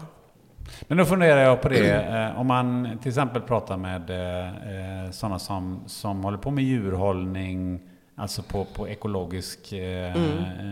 nivå, låter korna beta ut och så vidare. Så säger de ju så här att ja, men, eh, kor betar på ställen där man inte odlar eh, grönsaker eller, mm. eller mm. säd. Och jag menar, jag som, som är så gammal, jag eh, kunde åka ut till, mina föräldrars eh, eller sommarstugan då. Då kunde man ju möta kor mitt i skogen till exempel. Ja, jo, men man har ju också skogsbetande får till exempel. Det är ju inte som att de äter någonting som någon annan skulle äta istället. Så att eh, jag tror inte heller riktigt att man kan dra all djurhållning över samma kam. Liksom. Det, finns, det finns ju betande nötkreatur som Eh, beta bara på supergödslade betesmarker. De eh, skapar ingen biologisk mångfald heller. Så att det finns liksom, eh, tror jag, all anledning att se det mera Alltså man måste skilja på vilken typ av djurhållning det är, vilka typer av djur det är, vad det är för betesmarker de har och så vidare. Så att, um... Men för man läser sig till så, så hade vi dubbelt så många nötkreatur på 30, 30-talet jämfört med vad vi har mm. idag. Och då har man ju aldrig pratat om att det var något problem med kor som fes. Det kanske fanns någon som gjorde det, vet jag inte, men klimatfrågan var inte lika akut då heller. Nej men jag menar, det, det visar ju att, att då är klimat... Alltså vad jag vill, vart jag vill komma är liksom, frågan är, är klimatfrågan har ju i debatten, som jag mm. upplever mm. i alla fall, mm. haft en väldigt stor bäring på det vi äter. Ja. Uh, medan om man tittar på, ja men hur har vi ätit förr? Mm. Så har vi faktiskt haft väldigt vi åt mycket, ju mycket mer... mindre kött förr. Ja, varför gjorde vi det? Det var, dyrt. Det var dyrare. Ja. Det var en prisfråga väldigt mycket. Kött har blivit mycket billigare och då äter vi också mycket mera kött. Så att eh, det påverkas ju. Men liksom, det, det, är, eh, det är inte så att vi åt en massa vegetarisk mat förut. Men vi åt, när vi åt så åt vi liksom mindre kött och mer kanske kolhydrater till exempel. Så att det har ju förändrats över tid. Och jag tror att faktum är att det är det som är ursprunget till oron tror jag också. Det är lite samma med flyget, för att det är väldigt mycket så här, köttet och flyget så här, som är i fokus. Och grunden till den oron, det är eh, kurvan, ökningskurvan. Och vart vi kommer hamna om man fortsätter i den riktningen. Eh, om köttkonsumtionen ska liksom öka till den här nivån som vi har i västvärlden, om den ska öka till den nivån i alla länder i hela världen, då kommer man ju att få en kraftigt ökad eh, köttproduktion och mycket mer av det vi odlar som går till djurfoder, mycket mer utsläpp av metan och så vidare. Och samma med flyget, om, vi skulle, om ökningskurvan på flyget ska fortsätta, andra länder ska följa efter med samma ökningskurva, så kommer det också bli en allt större del av världens utsläpp. Men om man tittar på, på, på just flyget, covidperioden då, när vi stoppade nästan allt flyg i hela världen och stängde ner stora delar av industrin och också stängde ganska mycket kolkraftverk och liksom energiproduktion på grund av att behoven minskade. Så minskade de globala utsläppen eh, med kanske 7-8 procent. Det är ungefär den utsläppsminskning som man skulle behöva ha varje år. Alltså man skulle behöva ha liksom en pandemi och sen skulle man behöva ha en till som minskade utsläppen motsvarande året därpå och sen året därpå, året därpå, året därpå. Det får ju en att förstå, tycker jag, att eh, det är inte de här enskildheterna som är det stora problemet, utan det är liksom hela systemet, hur vi har byggt upp vår energiproduktion, hur vi har gjort våra samhällen beroende av eh, de här fossila energikällorna. Eh, och det är därför jag menar också att det är liksom inte... Eh, det behövs politik. Vi kommer inte lösa den här frågan eh, på något annat sätt än genom att man politiskt beslutar sig för att nu ska vi bygga upp ett annat sätt att energiförsörja oss på, att resursförsörja oss på. Precis på samma sätt som man politiskt har styrt det till där vi är idag. Då skulle jag vilja ställa frågan, vad är förutsättningarna för att vi kommer att få det? Det beror lite på vart man tittar. Man kan välja att ha en positiv approach eller så kan man välja att ha en pessimistisk och det är avsevärt lättare att ha en pessimistisk. Man får jobba lite hårdare om man vill vara positiv. Ehm, men det tycker jag ändå att man ska försöka göra för att inte bryta ihop av depression.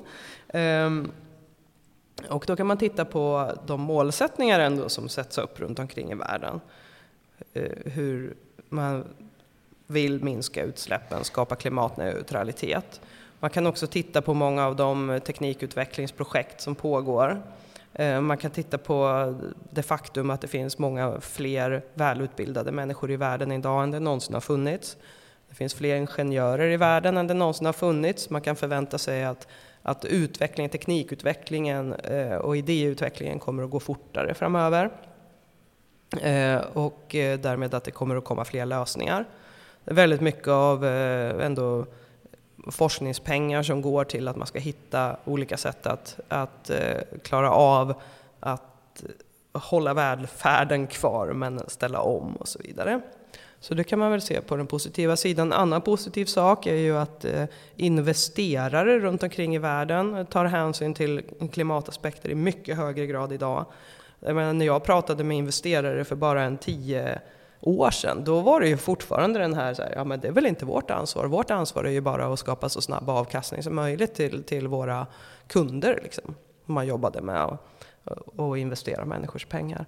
Så låter det inte alls idag. Man pratar mycket mer om klimatrisker, man pratar om ansvar, man pratar om stranded assets, alltså att vissa investeringar man gör eh, kanske blir värdelösa på grund av klimatomställningen.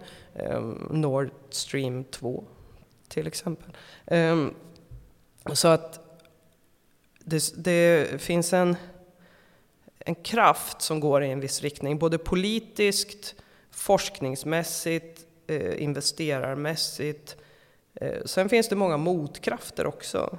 Och den starkaste motkraften förstås är ju att eh, vi vet vad vi har, men vi vet inte vad vi får. Och det kan göra att det finns en stark oro hos människor för vad det kommer att innebära för dem personligen om man ska ställa om på det här sättet. Eh, vad innebär det för oss om vi inte kan tanka bilen billigt? Vad innebär det för oss om, om eh, vi måste minska resursförbrukningen eh, och så vidare och så vidare. Och sen så förstås så finns det ju många företag som är investerade i eh, ett, det system vi har idag och den användning av råvaror som vi har idag.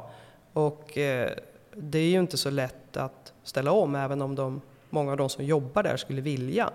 Så är det inte så lätt och det går inte så fort och det är trögt och det finns också ibland regelverk som sätter hinder i vägen för att göra på ett nytt sätt, på ett annat sätt än förut. Eh, så att... Um, um, du nämner här att det finns en politisk vilja om man tittar på målen som man har satt upp politiskt så finns det ju en politisk vilja. Däremot så brister ju den varje gång man ska fatta de enskilda besluten.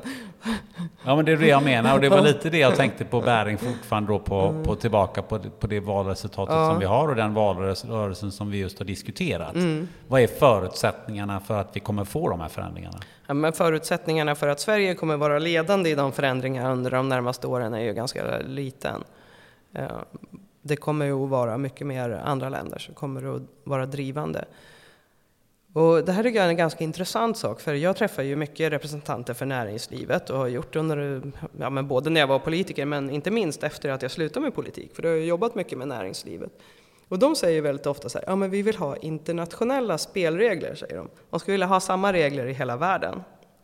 Eh, det, det har jag väldigt svårt att förstå, därför att utveckling sker ju väldigt ofta genom att det är något land som väljer att gå före. skapa marknader för nya produkter, för nya lösningar. Sen därefter så kan de spridas. Det är väldigt sällan ett företag skulle bara hitta på så här, ja men vi hittar på en ny produkt, vi ska sälja det vi, till, vi börjar med att tillverka en miljard enheter och ska sälja den i hela världen samtidigt. Det är ju väldigt sällan man gör så. Man väljer ju ofta liksom en marknad eh, där man börjar och så testar man och så vidare. Det är så man behöver göra med politik också. Om man ska få fram de bästa politiska lösningarna, då behöver ju olika länder testa olika saker. Och Sverige har varit ett land som har, har legat långt fram och testat, inte minst just med miljöskatter som har visat att det fungerar.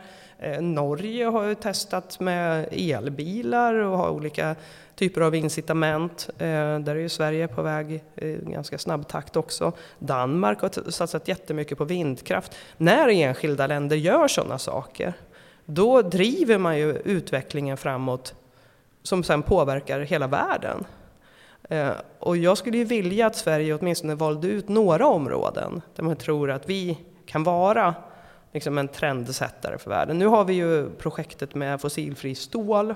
Eh, det kan vara en sån potential eh, som vi har, att vi skulle kunna visa upp för världen att det går att tillverka stål eh, utan kol. Det kan finnas några områden till som man skulle kunna satsa på, till exempel cir cirkulär ekonomi och återanvända avfall, och råmaterial och så vidare. Hållbar gruvnäring i den mån man kan, hur långt man kan nå med det och så vidare. Det, det, jag skulle gärna vilja se liksom några ambitiösa sådana saker där man ser att så här, här skulle vi kunna vara världsledande. Eh, men jag är lite rädd för att den här nya regeringen kommer att eh, dra tillbaka de styrmedel som gör det lönsamt för företagen att gå i den riktningen. Och då så kommer vi att riskera att hamna efter i den här eh, möjligheten då att vara in, världsinfluencer på klimatområdet. Men det känns ju lite som att du ser en ganska, ändå en ganska ljus framtid och framförallt så ser du, eh, om jag får tolka det rätt, eh, eh, teknikutvecklingen som, som en av grunderna för att vi ska klara av de här klimatmålen. Men det finns ju väldigt många i debatten som säger att det, det, kommer inte hjälpa med, eh, med all teknikutveckling utan vi måste göra mycket radikalare grepp i vårt eget eh, sätt att eh, konsumera och, och bete oss. Ja, men jag tror att det är en kombination där. Därför att jag tror också att teknikutvecklingen kan ju hjälpa till i att minska eh, res, liksom resursförbrukningen i form av konsumtion. Så, så genom att hitta andra sätt att tillfredsställa eh, människors behov så kan man också minska resursanvändningen. Eh, och I det stora och i det lilla. Liksom. Så att jag tror att, att teknikutveckling är enormt viktigt. Även för att skapa förutsättningar för förändrade konsumtionsmönster. Och nyckeln till hela miljö och klimatfrågan det är ju, för att gå tillbaks till vad som engagerade mig redan när jag var 15 år, alltså den ohållbara resursanvändningen i världen. Att vi förbrukar så enormt mycket resurser. Och de här resurserna ska tas upp ur marken, de ska processas, eh, de ska omvandlas till produkter av olika slag och de ska transporteras kors och tvärs och sen så ska de då eh, i slutändan hamna eh, på H&M för 99 kronor. Och ehm, i hela den här processen finns också en ganska stor mängd människor som Eh, om de inte exploateras så åtminstone är väldigt lågbetalda och har ganska dåliga arbetsvillkor. Eh, så, så ska man liksom komma åt själva grunden till, till det som orsakar väldigt mycket av de miljöproblem och den klimatpåverkan vi har, då måste vi bli mycket mer effektiva med hur vi använder resurser. Och för att kunna göra det så behövs det också. Men det är klart att man kan låta bli att köpa på H&M. Man kan köpa något mycket mer kvalitetsplagg som håller mycket längre och så köper man inte så mycket nytt som individ. Och det kan ju också då skapa förutsättningar för att man politiskt ska kunna styra upp textilbranschen mera för att man ser att människor faktiskt är beredda att betala mer för kvalitet och så vidare. Eh, men, men jag tror också att, att det behövs en del teknikutveckling för att man ska kunna lösa hela resursförbrukningsfrågan så att säga.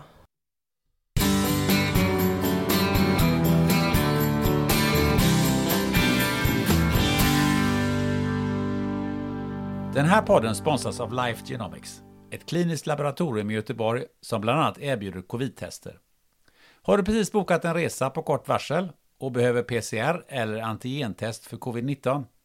Ja, då kan du gå in på coronapassport.se för att hitta en vårdgivare i din närhet och boka en tid för test och friskhetsintyg. Life Genomics har samarbete med kliniker över hela Sverige. Tack Life Genomics!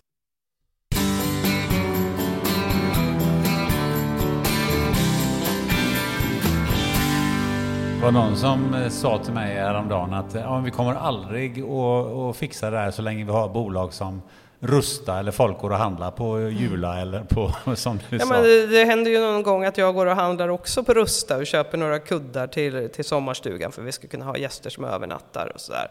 Alltså att det behöver ju inte Eh, eh, det behöver ju inte nödvändigtvis vara ett problem att man köper saker, men det är klart att, att jag skulle ju vilja att de saker jag köper håller. Eh, jag är ju också en, dels är jag lite konsumentaktivist. Alltså jag blir väldigt upprörd när jag köper saker som inte håller liksom vad de lovar. Vad gör du då? Ja, men jag kan bli, då kan jag faktiskt ibland vara lite otrevlig. Jag är ju annars en ganska snäll person. Men jag kan vara en sån som låter det gå ut över personal någon enstaka gång. Kanske. När det är ja. dåliga grejer, du har köpt Ja. gått tillbaka med dem. Ja. Och, men, men jag har blivit bättre med håren. Jag blir inte så, min, min, mina barn skäller på mig om jag blir dum. Så det är bra. Eh, så jag försöker vara snäll, men ändå tydlig. Men eh, det finns få saker, jag hatar ju också att shoppa. Så att jag, det finns få saker som jag tycker är så tröttsamt som eh, saker av dålig kvalitet. eh, och eh, jag tror att det finns enormt mycket man skulle kunna göra. Alltså vi kommer titta tillbaka på den här tiden och undra hur sjutton kunde vi tycka att det var attraktivt att hålla på och köpa alla de här billiga grejerna som sen gick sönder. Och som vi dessutom inte återvinner på ett vettigt sätt. Ta en mobiltelefon till exempel. Eh, jag gjorde en liten eh, helt icke-vetenskaplig enkätundersökning på min egen Facebook-sida. Någon gång där jag frågade folk så här, ja, men vad var orsaken till att ni bytte mobiltelefon senast?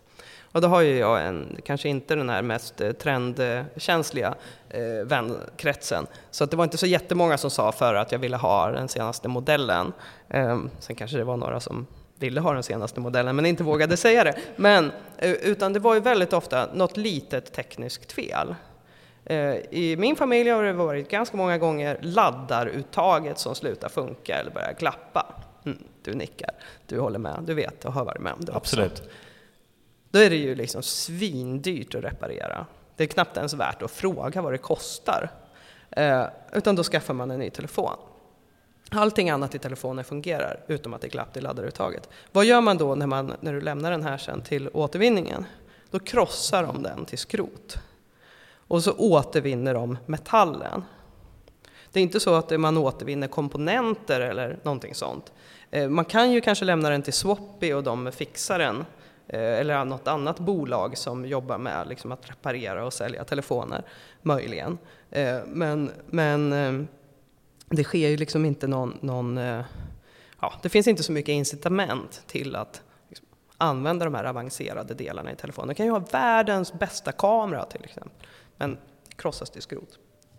Och sen så, så är man jättestolt från elekt- elektronikbranschen att man har återvunnit så många ton metall. Vet vad jag gör? Alltså vi kommer titta tillbaka på det här och tycka att det var så absurt. Ungefär som vi tittar tillbaka på 50-talet och tänk, när de hade så reklamfilmer att man skulle sänka ner soppåsarna i sjön. Liksom. Ja, man, kunde, man fick instruktioner man skulle sänka ölburkar. Mm. Ja, man skulle lägga en sten i liksom, så de får lite grus. tyngd. Ja. Men jag, jag, jag slänger inte mina mobiltelefoner utan jag sparar alla mina mobiltelefoner. Så någon gång ska jag göra ett museum från den första mobiltelefonen jag hade. Mm. Det är bra. Så att, eh, men eh, skitsamma. Eh, för jag har en, en eh, chef som, eh, när jag jobbade med tidigare, också, som var väldigt upprörd. Vi jobbade inom, inom sportvärlden. Att, att folk kunde, hade inte lust att betala 200 spänn för en eh, löpar-t-shirt. Men man kunde ju köpa en eh, latte och en eh, macka på stan som nästan kostade Ja. lika mycket. Och du är lite där att vi, vi, vi eh, man kan säga så här att då är det väl fortfarande alldeles för billigt att konsumera. Ja, skit. Hur ändrar vi det?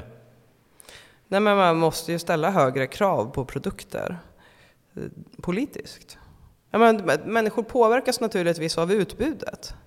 Och eh, om man politiskt eh, ställer högre krav på kvalitet, om man inför starkare konsumenträttigheter, eh, att till exempel det inte är okej okay att de vägrar reparera min mobiltelefon till ett rimligt pris. Nu håller man ju på i EU med ett förslag som heter Right to Repair som går ut på att man ska ställa krav på producenterna, att man ska ha rättigheter som konsument att få vissa reparationer utförda till rimliga priser.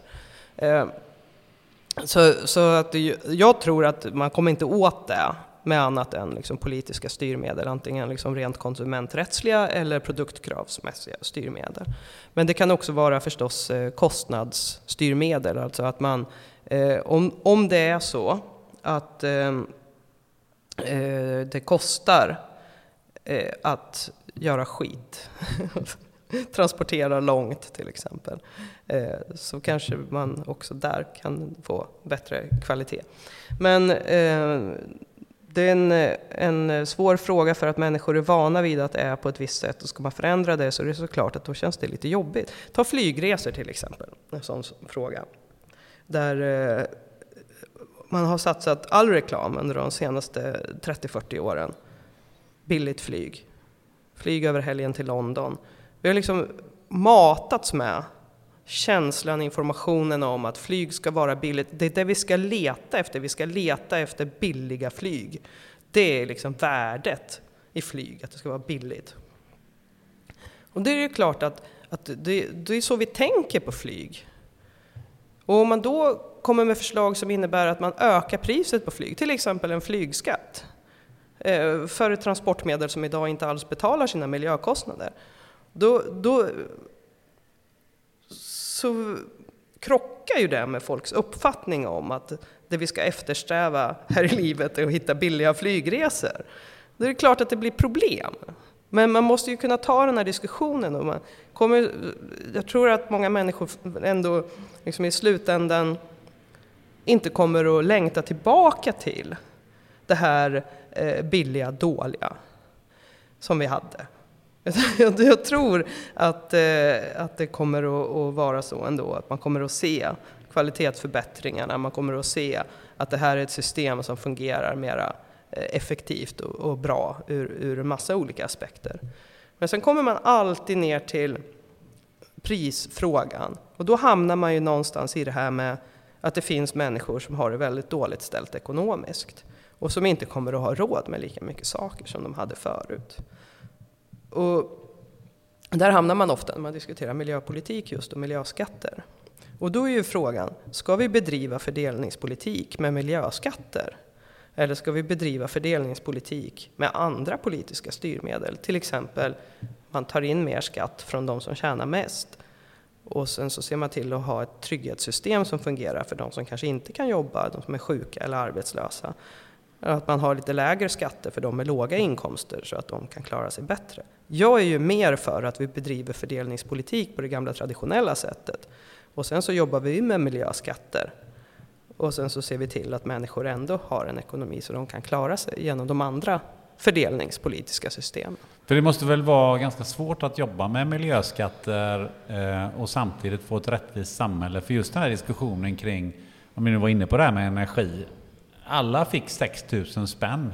Eh, det var liksom maxgräns mm. i våras då. Eh, som ett, som ett bidrag mot de mm. höga elpriserna. Ja, alla fick ju inte det, bara de med hög Ja, men, eh, men exakt. Men det är mm. liksom de som hade dessutom då hade en villa och, mm. och förmodligen då tjänar lite mer än mm. den som bor i Bergsjön och, och, och, har en etta. Um, som inte fick något bidrag alls. Alltså, det var ju liksom de som redan tjänar mycket, förbrukar mycket, fick mycket pengar. Ja. Ja, jag tyckte det var fel. Det måste vara svårt mm. att, eh, och nu är man inne på det här med maxgräns och tak mm. och så vidare. Det är samma sak där. Även när man jobbar med lägre bränsleskatter, det är också faktiskt sånt som gynnar allra mest de som tjänar mest. Och kör mest? Ja, därför att det är de som har de stora tunga bilarna oftast.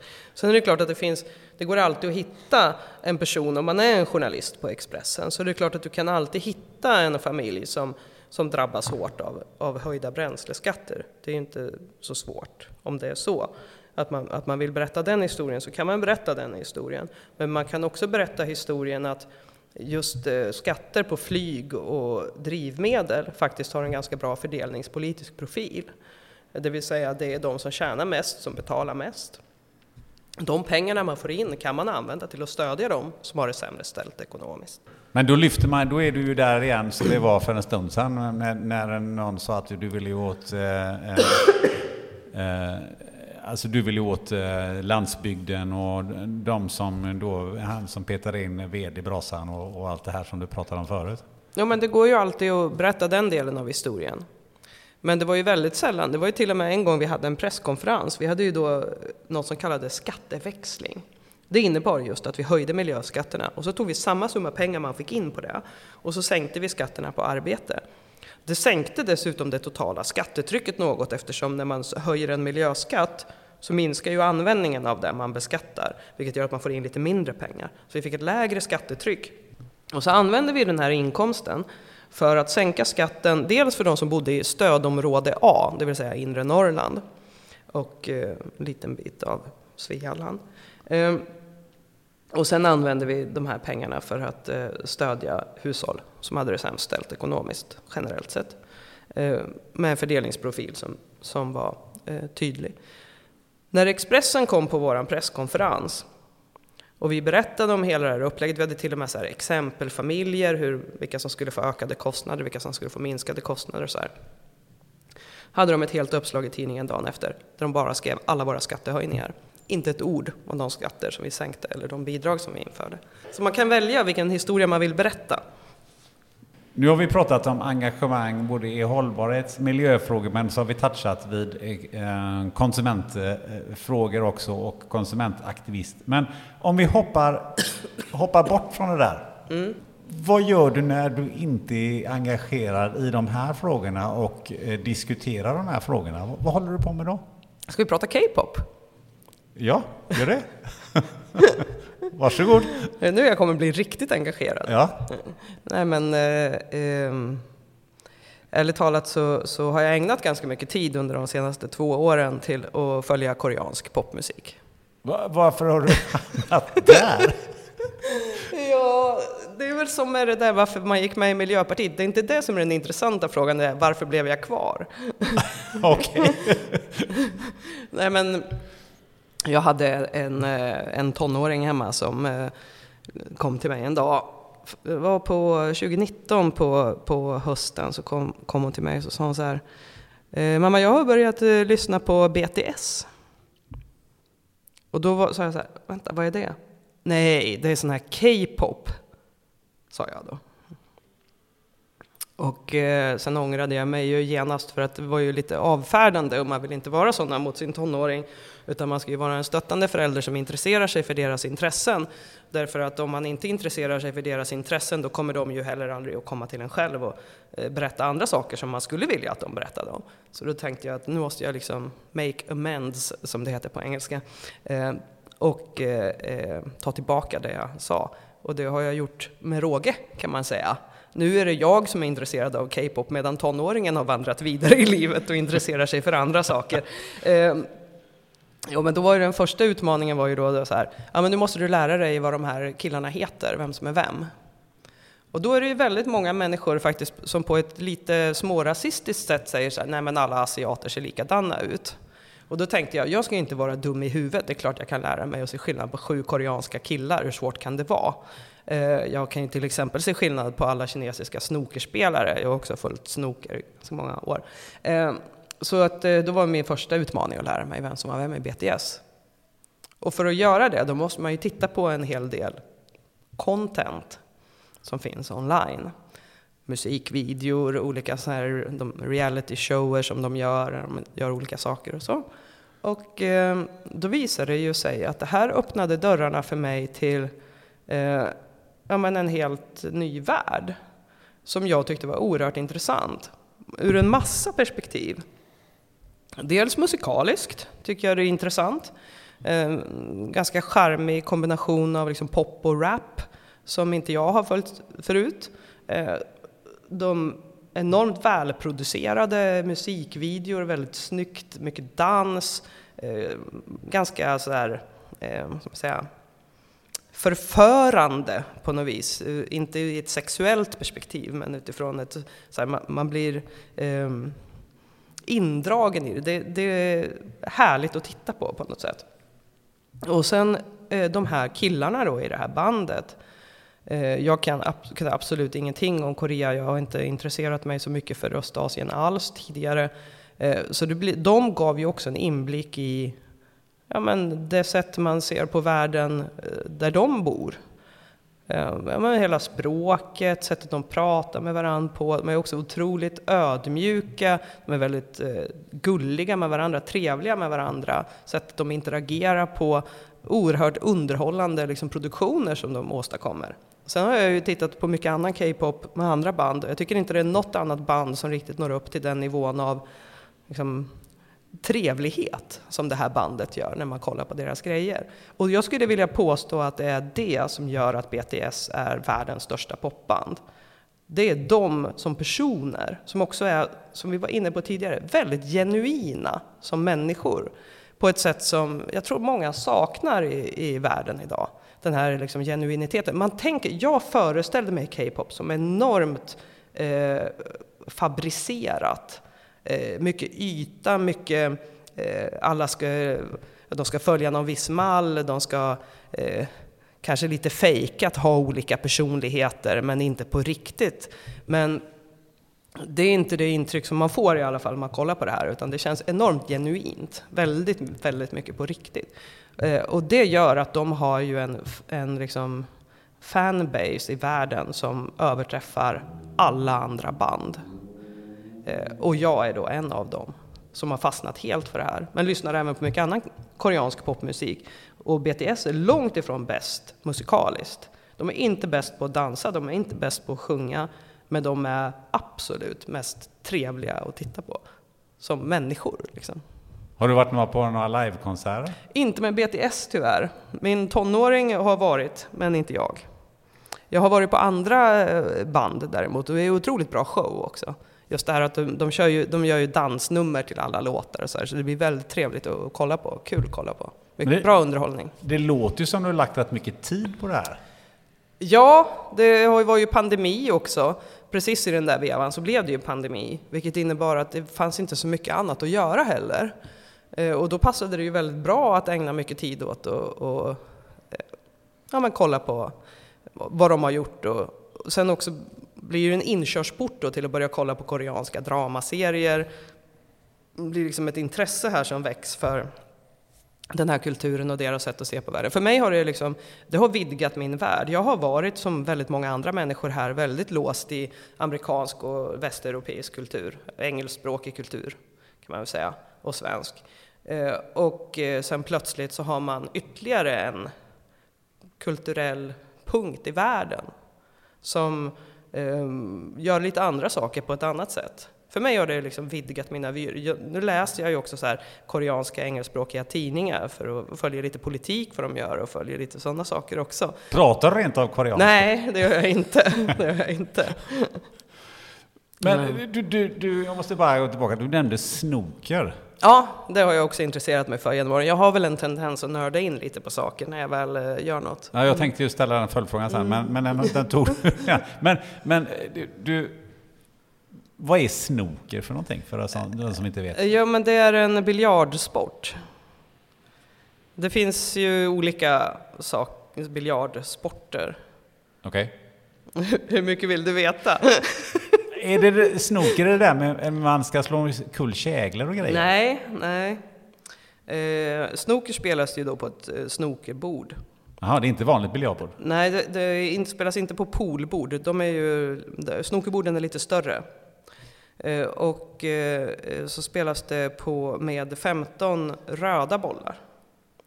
Och sen sex bollar som har andra färger, som ligger i, liksom, på speciella punkter på bordet när man börjar. Okej. Okay. Och sen så är man två spelare och så ska man slå i dem där och, utifrån olika, vissa regler och så är de värda olika poäng och så, så vinner den som får mest poäng.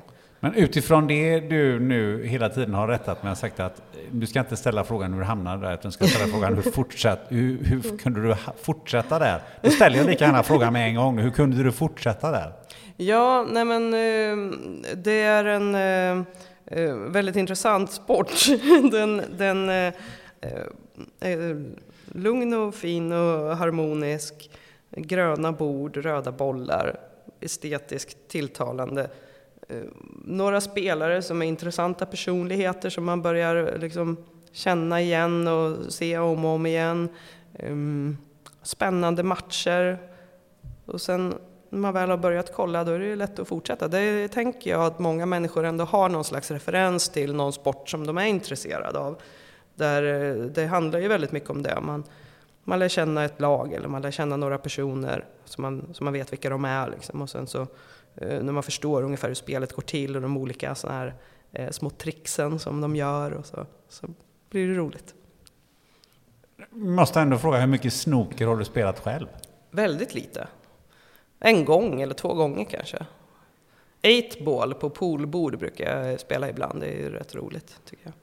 Men det är ändå ovanligt att man hamnar in i en sport som man inte själv har, har sån eh, närhet till som att man kanske har spelat den och snooker hade ju kunnat vara ett, ett rimligt spel. Vissa saker kanske inte man, mm. man utövar. Jag fick ofta den frågan jag följde handboll i ganska många år.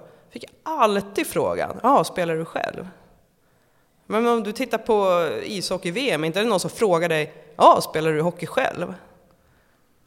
Det är Nej. bara om man intresserar sig för andra sporter än ishockey och fotboll. Eh, eller kanske Formel 1 brukar man inte heller få frågan, kör du själv? Men, men, men, men eh, annars är det liksom så här, skulle det vara, ja nej men det finns ju massor med människor som följer snooker men det är väldigt få som spelar ändå.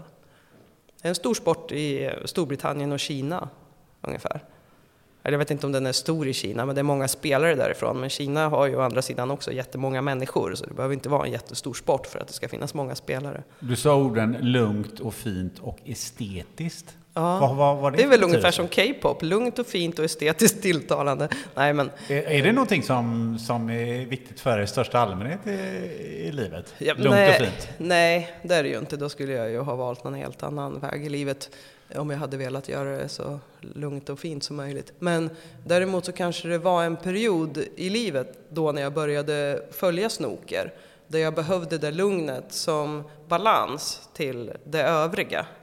Och det tror jag också, för mig är det ganska viktigt att hitta de här sakerna som gör att jag kan koppla bort hjärnan från det som den väldigt gärna snör in sig på annars. Eh, politik och samhällsproblem och globala utmaningar och sådana saker. För att kunna orka med den delen så måste jag ha saker som, som balanserar och som låter mig vila huvudet i någonting annat som är helt borta från det. Snoker har väldigt lite att göra med globala problem. Eh, K-pop har också ganska lite att göra med globala problem. Och jag har även eh, kollat ganska mycket på eh, så kriminaldramer eller science fiction-filmer eller läser sådana här historier. Och så. Spelar mobilspel gör jag också ganska mycket. Där man bara kan... Mobilspel däremot har en liten annan funktion för att det är mer så här medan min hjärna håller på med mobilspel då kan jag processa saker samtidigt. Som, det kan ju vara privata grejer eller jobbgrejer eller vad som helst. För då blir liksom min hjärna fri att tänka när jag sitter och gör någonting annat med den andra delen av hjärnan. Jag vet inte riktigt om du förstår vad jag menar. Men... Jag tror det, men min relation till mobilspel är att man lätt blir besatt av dem. Ja, det blir man ju. Det blir jag. Alltså, jag hade ju en sån Angry, Angry Birds-period. Ja, det har jag också haft. Uh, och då, då, då, ägnades all tid som var någorlunda fri till att spela Angry Birds. Till slut mm. var jag tvungen att det är sån Angry Birds mm. detox. Ja, det är tur man inte spelar om pengar tänker jag. det, det jag, har, jag, jag, kan förstå att människor kan fastna i spel om pengar. Jag ska absolut inte röra mig ens i närheten av spel om pengar. För jag är också så att jag lätt fastnar i ett spel. Så det, det skulle vara farligt. Och det för oss lite grann till, kommer jag tänka på, Alltså spel om pengar, man fastnar i någonting. Eh, jag tänker förlängningen, en, någonting annat man kan ju fastna i som ju är betydligt allvarligare, det är ju alkohol. Mm. Lite allvarligare än spel, det, det behöver mm. det inte vara. Men, men, och jag tänker att men i EU-sammanhang och överhuvudtaget sån här, eh, alla tillställningar som, som jag misstänker att du är på eller går, går på eller Ja, här sådär. har det inte varit så mycket sånt men ja, i men politiken är det, kan det ju vara mycket sånt. Men serveras det inte rätt mycket alkohol där? I politiken gör det ju det, då serveras det ju mycket alkohol eh, på middagar och, och så. Det gör det ju. Uh, här har jag inte knappt druckit en droppe annat än när jag har varit ute med någon kompis som har varit på besök. Eh, så att, eh, det, har inte, det är ju också för att ha varit nedstängt så det har inte varit liksom, den typen av tillfällen. Men det finns nog en jättestor risk. Eh. Men jag tänker på min, min bror och jag var ute på krogen en gång när vi var, jag kanske var 19 och han var 20.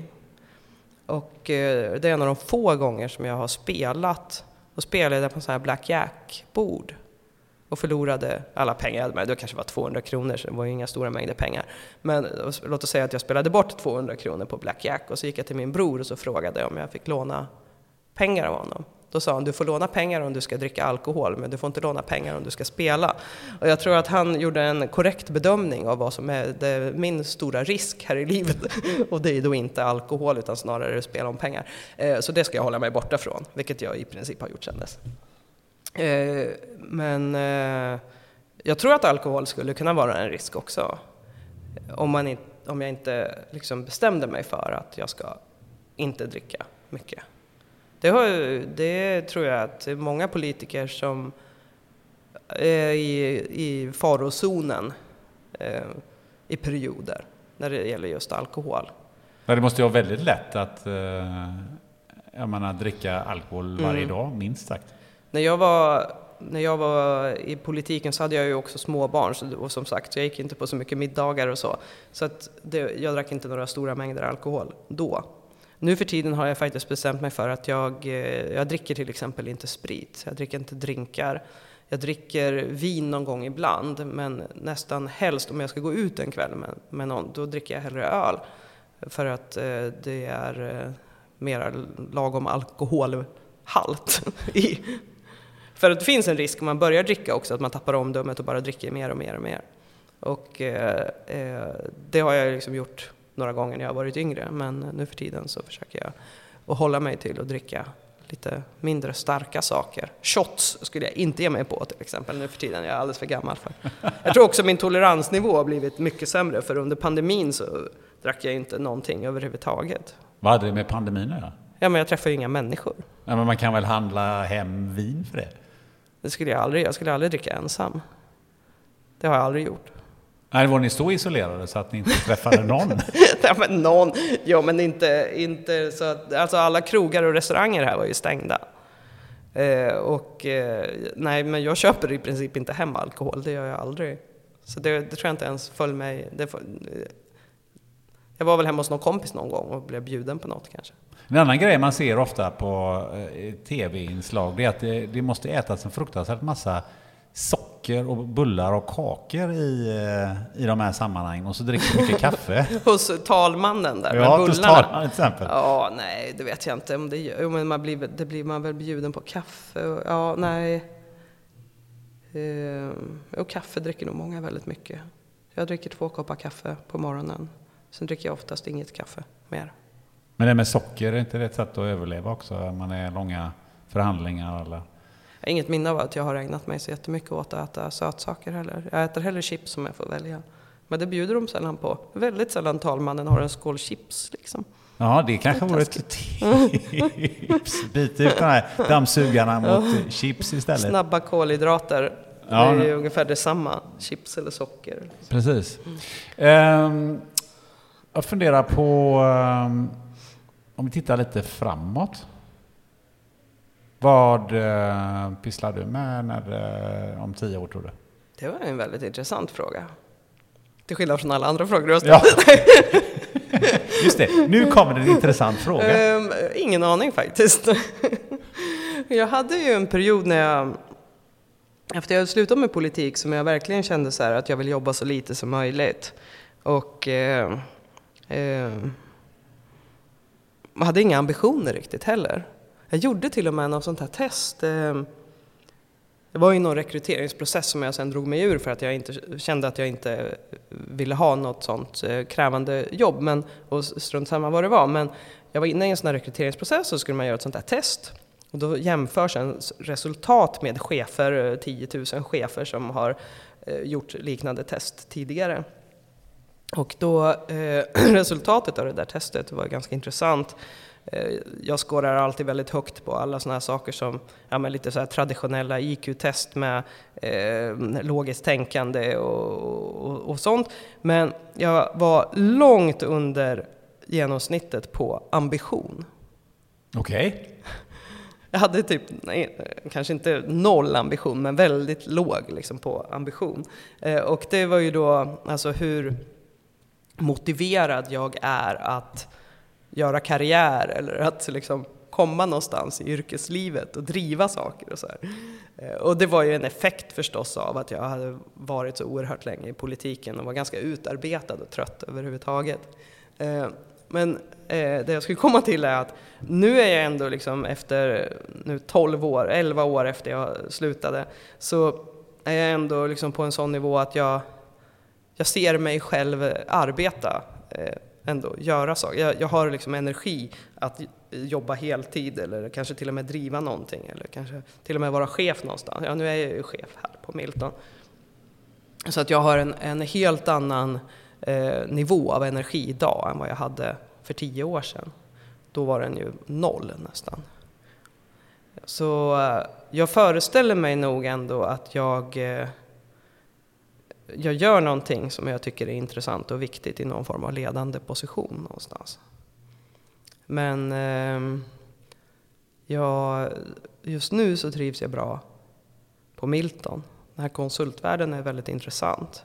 Man får träffa så mycket olika typer av företag och Milton är ju en jag nämnde ju public affairs-verksamheten, det som vi jobbar med, men Milton jobbar också väldigt mycket med kommunikation och ledarskapsutveckling och Eh, analyser av liksom, vad som händer i världen och sådana saker. Så att det finns väldigt mycket intressanta människor också som jobbar här.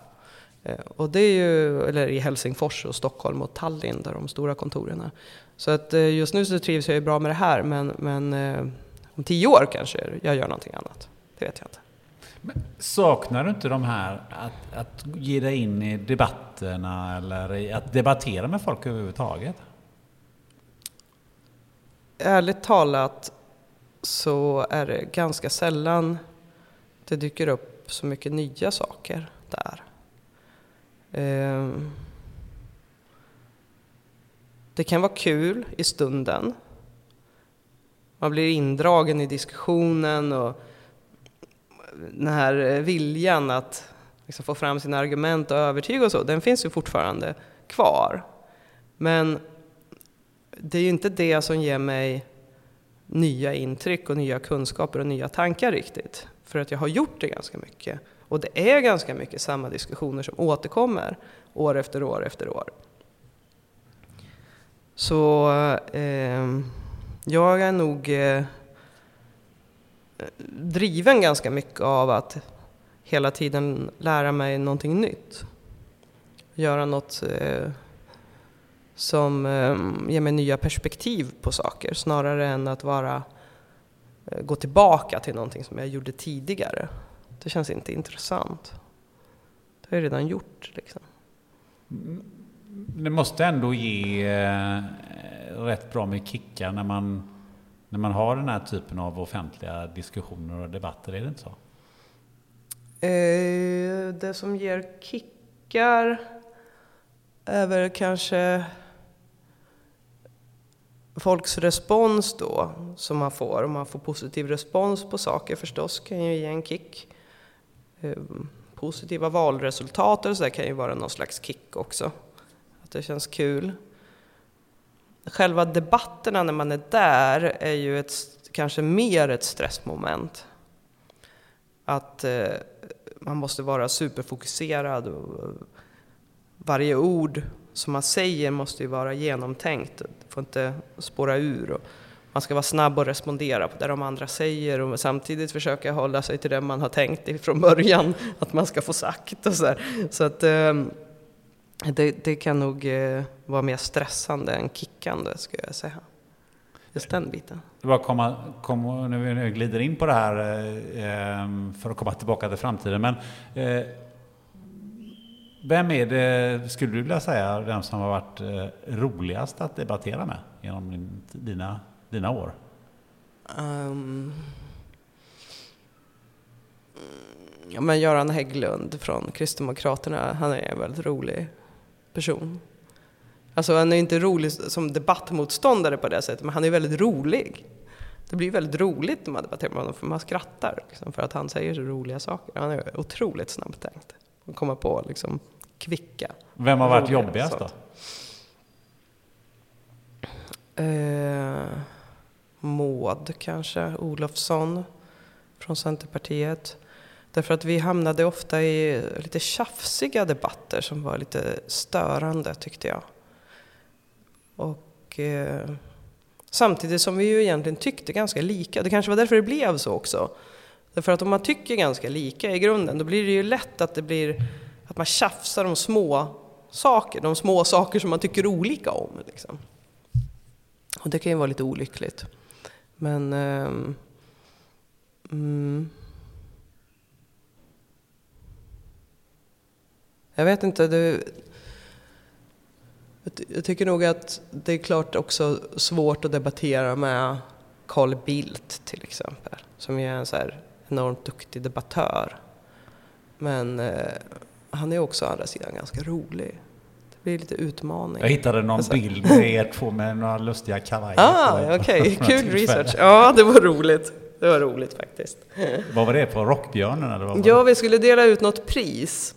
Och eh, Carl Bildt hade ju då några år tidigare delat ut ett pris och blivit väldigt uppmärksammad för att han hade en kavaj med råttor på. Och så började vi prata där bakom scenen. Det var väl där ett par timmar innan kanske. Så började vi prata om de där. Då hade han nämligen den där kavajen på sig. Eller, och så sa han att han hade en till. Eh, han hade köpt dem där någon gång när han inte var helt nykter i Italien. Eh, och sen, och sen så, så, så, började vi, jag vet inte riktigt hur det var, men på något sätt så blev det ändå så att Anna-Maria, hans fru, åkte och hämtade den där andra kavajen och så lånade jag den. Och så hade vi varsin kavaj med råttor, varav den jag hade på mig då var alldeles för stor förstås, eftersom den tillhörde en man av större storlek än jag. Så ja, men det var lite roligt. Eh, för att avrunda det här debattmotståndarsnacket, eh, men av dagens politiker, vem skulle du helst vilja debattera med? Jag vet inte faktiskt. Jag känner inte riktigt att jag behöver det. Nej, behöver gör du ju inte. Men om du, Nej, om, men jag, sätt... jag längtar inte efter att debattera med någon av dem. Uh, jag menar om man tänker sig att man hamnar på en middag ihop och ska diskutera liksom på ett sånt sätt som man gör vid en eh, civiliserad middagsbjudning så skulle jag väl tycka att det var väldigt intressant att diskutera med, med Ulf Kristersson om eh, hans eh, omvandling från att ha varit liberal till att nu administrera sverigedemokratpolitik. Där man pratar om att man ska utvisa människor på grund av ytterst eh, vaga kriterier eh, och se hur han egentligen tycker om det. Men eh, vi skulle kanske inte vara kompisar efteråt då. men tillbaka till framtiden, men nu har vi fått veta lite vad du tänker. men vad, vad, tror du om 10, 15, 20 år? Kommer, det, kommer vi på, vara på väg åt eh, pipsvängen åt fel håll eller kommer vi att rädda jorden? Det kommer nog fortfarande vara en kamp tror jag. Eh, och eh, tyvärr så tror jag också att vi kommer att ha drabbats av mycket fler klimatrelaterade katastrofer och sett kostnaderna av klimatförändringarna mycket tydligare. Och det verkar ju vara så att det är under galgen man agerar på något vis. Så att kanske har det lett till då att vi har eh, speedat upp omställningen.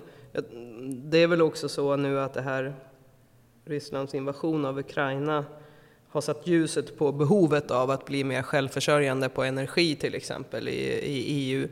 Och att det också, det kan ju driva vissa miljöfrågor framåt, klimatfrågan framför allt. Däremot så tror jag att det kommer bli en backlash för andra miljöfrågor. Eh, övergödningen av haven och sjöarna till exempel, biologisk mångfald, eh, skogspolitiken. Eh, den typen av liksom mera naturmiljörelaterade frågor. Och det är lite farligt därför att det är ju eh, starka ekosystem som kommer att göra att vi kan hantera liksom, klimatförändringarna bättre också. Alltså vi drabbas ju hårdare av liksom, klimatrelaterade katastrofer om vi inte har eh, funktionsdugliga ekosystem i, skog och mark och vatten och hav och så vidare. Så att eh, eh, det är en risk, tror jag. Det ser jag som den stora risken. Men jag tror att klimatomställningen kommer ändå på det stora hela, liksom att den kommer att drivas framåt, den kommer att gå för långsamt och det kommer att vara en ständig kamp för att få de rätta politiska besluten. Men vi kommer röra oss i, i den riktningen att vi kommer att, att skärpa till regelverken, höja kostnaderna för fossilt och så vidare. Investera i ny teknik och förnybar energi. Så. Så att uh, vi har ändå en hyggligt hoppfull framtid framför oss känns det som att du försöker Jag vet säga. Det, men det är en personlighetsfråga, är det inte det i slutändan? Vad man väljer, hur man väljer att se på saker. Uh, jag klarar liksom inte av att bara gräva ner mig i något hål och tycka att allting är hopplöst och, och förtvivlat. Jag kan inte hitta någon energi då. Så att jag måste på något sätt leta efter de positiva signalerna och försöka se det som funkar och bygga på det. Låter ju som en bra rekommendation och en bra eh, avslutning så. Eh, på det här. Hur tycker du det här samtalet har varit? Det har varit intressant tycker jag. Du ler lite. ja, det... Den enda intressanta frågan som har ställt vad det gör i framtiden. Ja, exakt. Och den svarade jag inte på riktigt. Politikersvar. Ja. Nej, men eh, eh, jag tycker att det har varit eh, intressanta ämnen faktiskt, som vi har pratat om. Särskilt K-pop tycker jag är ett väldigt viktigt och intressant ämne. Just det, Så det, det, skulle vi ju kunna prata om i en hel podd bara. Mm. Men... Då får du prata med någon annan. Ja, exakt. eh, om om eh, du skulle rekommendera någon jag borde intervjua, vem skulle det vara? Jag tycker att du ska intervjua Eva Röse. Varför är hon så intressant? Nej, men hon är ju nu nyvald eh, president i republiken Jämtland. Men hon är ju också väldigt intressant för att hon håller på med mycket in, eh, politiska utspel på Instagram samtidigt som hon håller på med eh, sina skådespelaruppdrag och sådär. Så hon verkar ha väldigt många järn i elden. Bra tips! Mm. Eh, slutligen, om man vill få tag på dig eller läsa mer om dig eller något sånt där, var, var hittar man det någonstans? Ja, var hittar man Instagram? Jag har ett Instagramkonto. Du har ett Instagramkonto, men du har en hemsida också va? Jag har en hemsida, men den är ju den kan man undvika, tänker jag. För alltså, den är ju jättegammal och den, eh, de som hostar den uh, jobbar knappt längre så den blir inte uppdaterad och eh, jag borde flytta den där till någon annan men jag har inte haft tid att hantera det riktigt. Det har inte varit högst upp på min prioriteringslista. Däremot har det stått på prioriteringslistan i ungefär tre, fyra år. Det låter som du skäms lite för den hemsidan. Ja, men den, den var snygg en gång i tiden, men nu är den ju inte jätteuppdaterad. Så eh, man, kan, man, man, kan kontakta mig eh, via vanliga kanaler, andra sociala mediekanaler. Sociala mediekanaler. Mm. Maria Wetterstrand, ett stort tack för att du ville vara med i den här podden. Tack själv. Du har lyssnat till det 131 avsnittet av podden Spännande möten. Gillar du podden extra mycket? Ja, då går du naturligtvis in på Patreon.com och söker på Spännande möten. Abonnera på podden där så får du avsnitten några dagar innan och utan reklam. Vad händer framöver då? Ja, det är inte helt klart vilken ordning alla gäster kommer att dyka upp i. Men helt klart är dock att du kommer att få träffa en entreprenör som blivit schaman, en hjärnforskare, en triatlet med väldigt speciella ben och en herre som har ställt frågan Vad fan får vi för pengarna? Det hela kan, om vi har tur, också kryddas med en våldscoach, en ryggsimmande spritexpert och en tjej som kan hjälpa dig att möblera hemma. Som du hör, det är mycket spännande på gång. Så håll dig uppdaterad på sociala medier närmaste tiden om du vill veta något extra före alla andra. Slutligen, du vet vad du gör. Du sätter dig med en vän, tar något gött att dricka och så diskuterar ni vad som är bäst för miljön. Billigare diesel eller billigare elbilar. Ha det gött!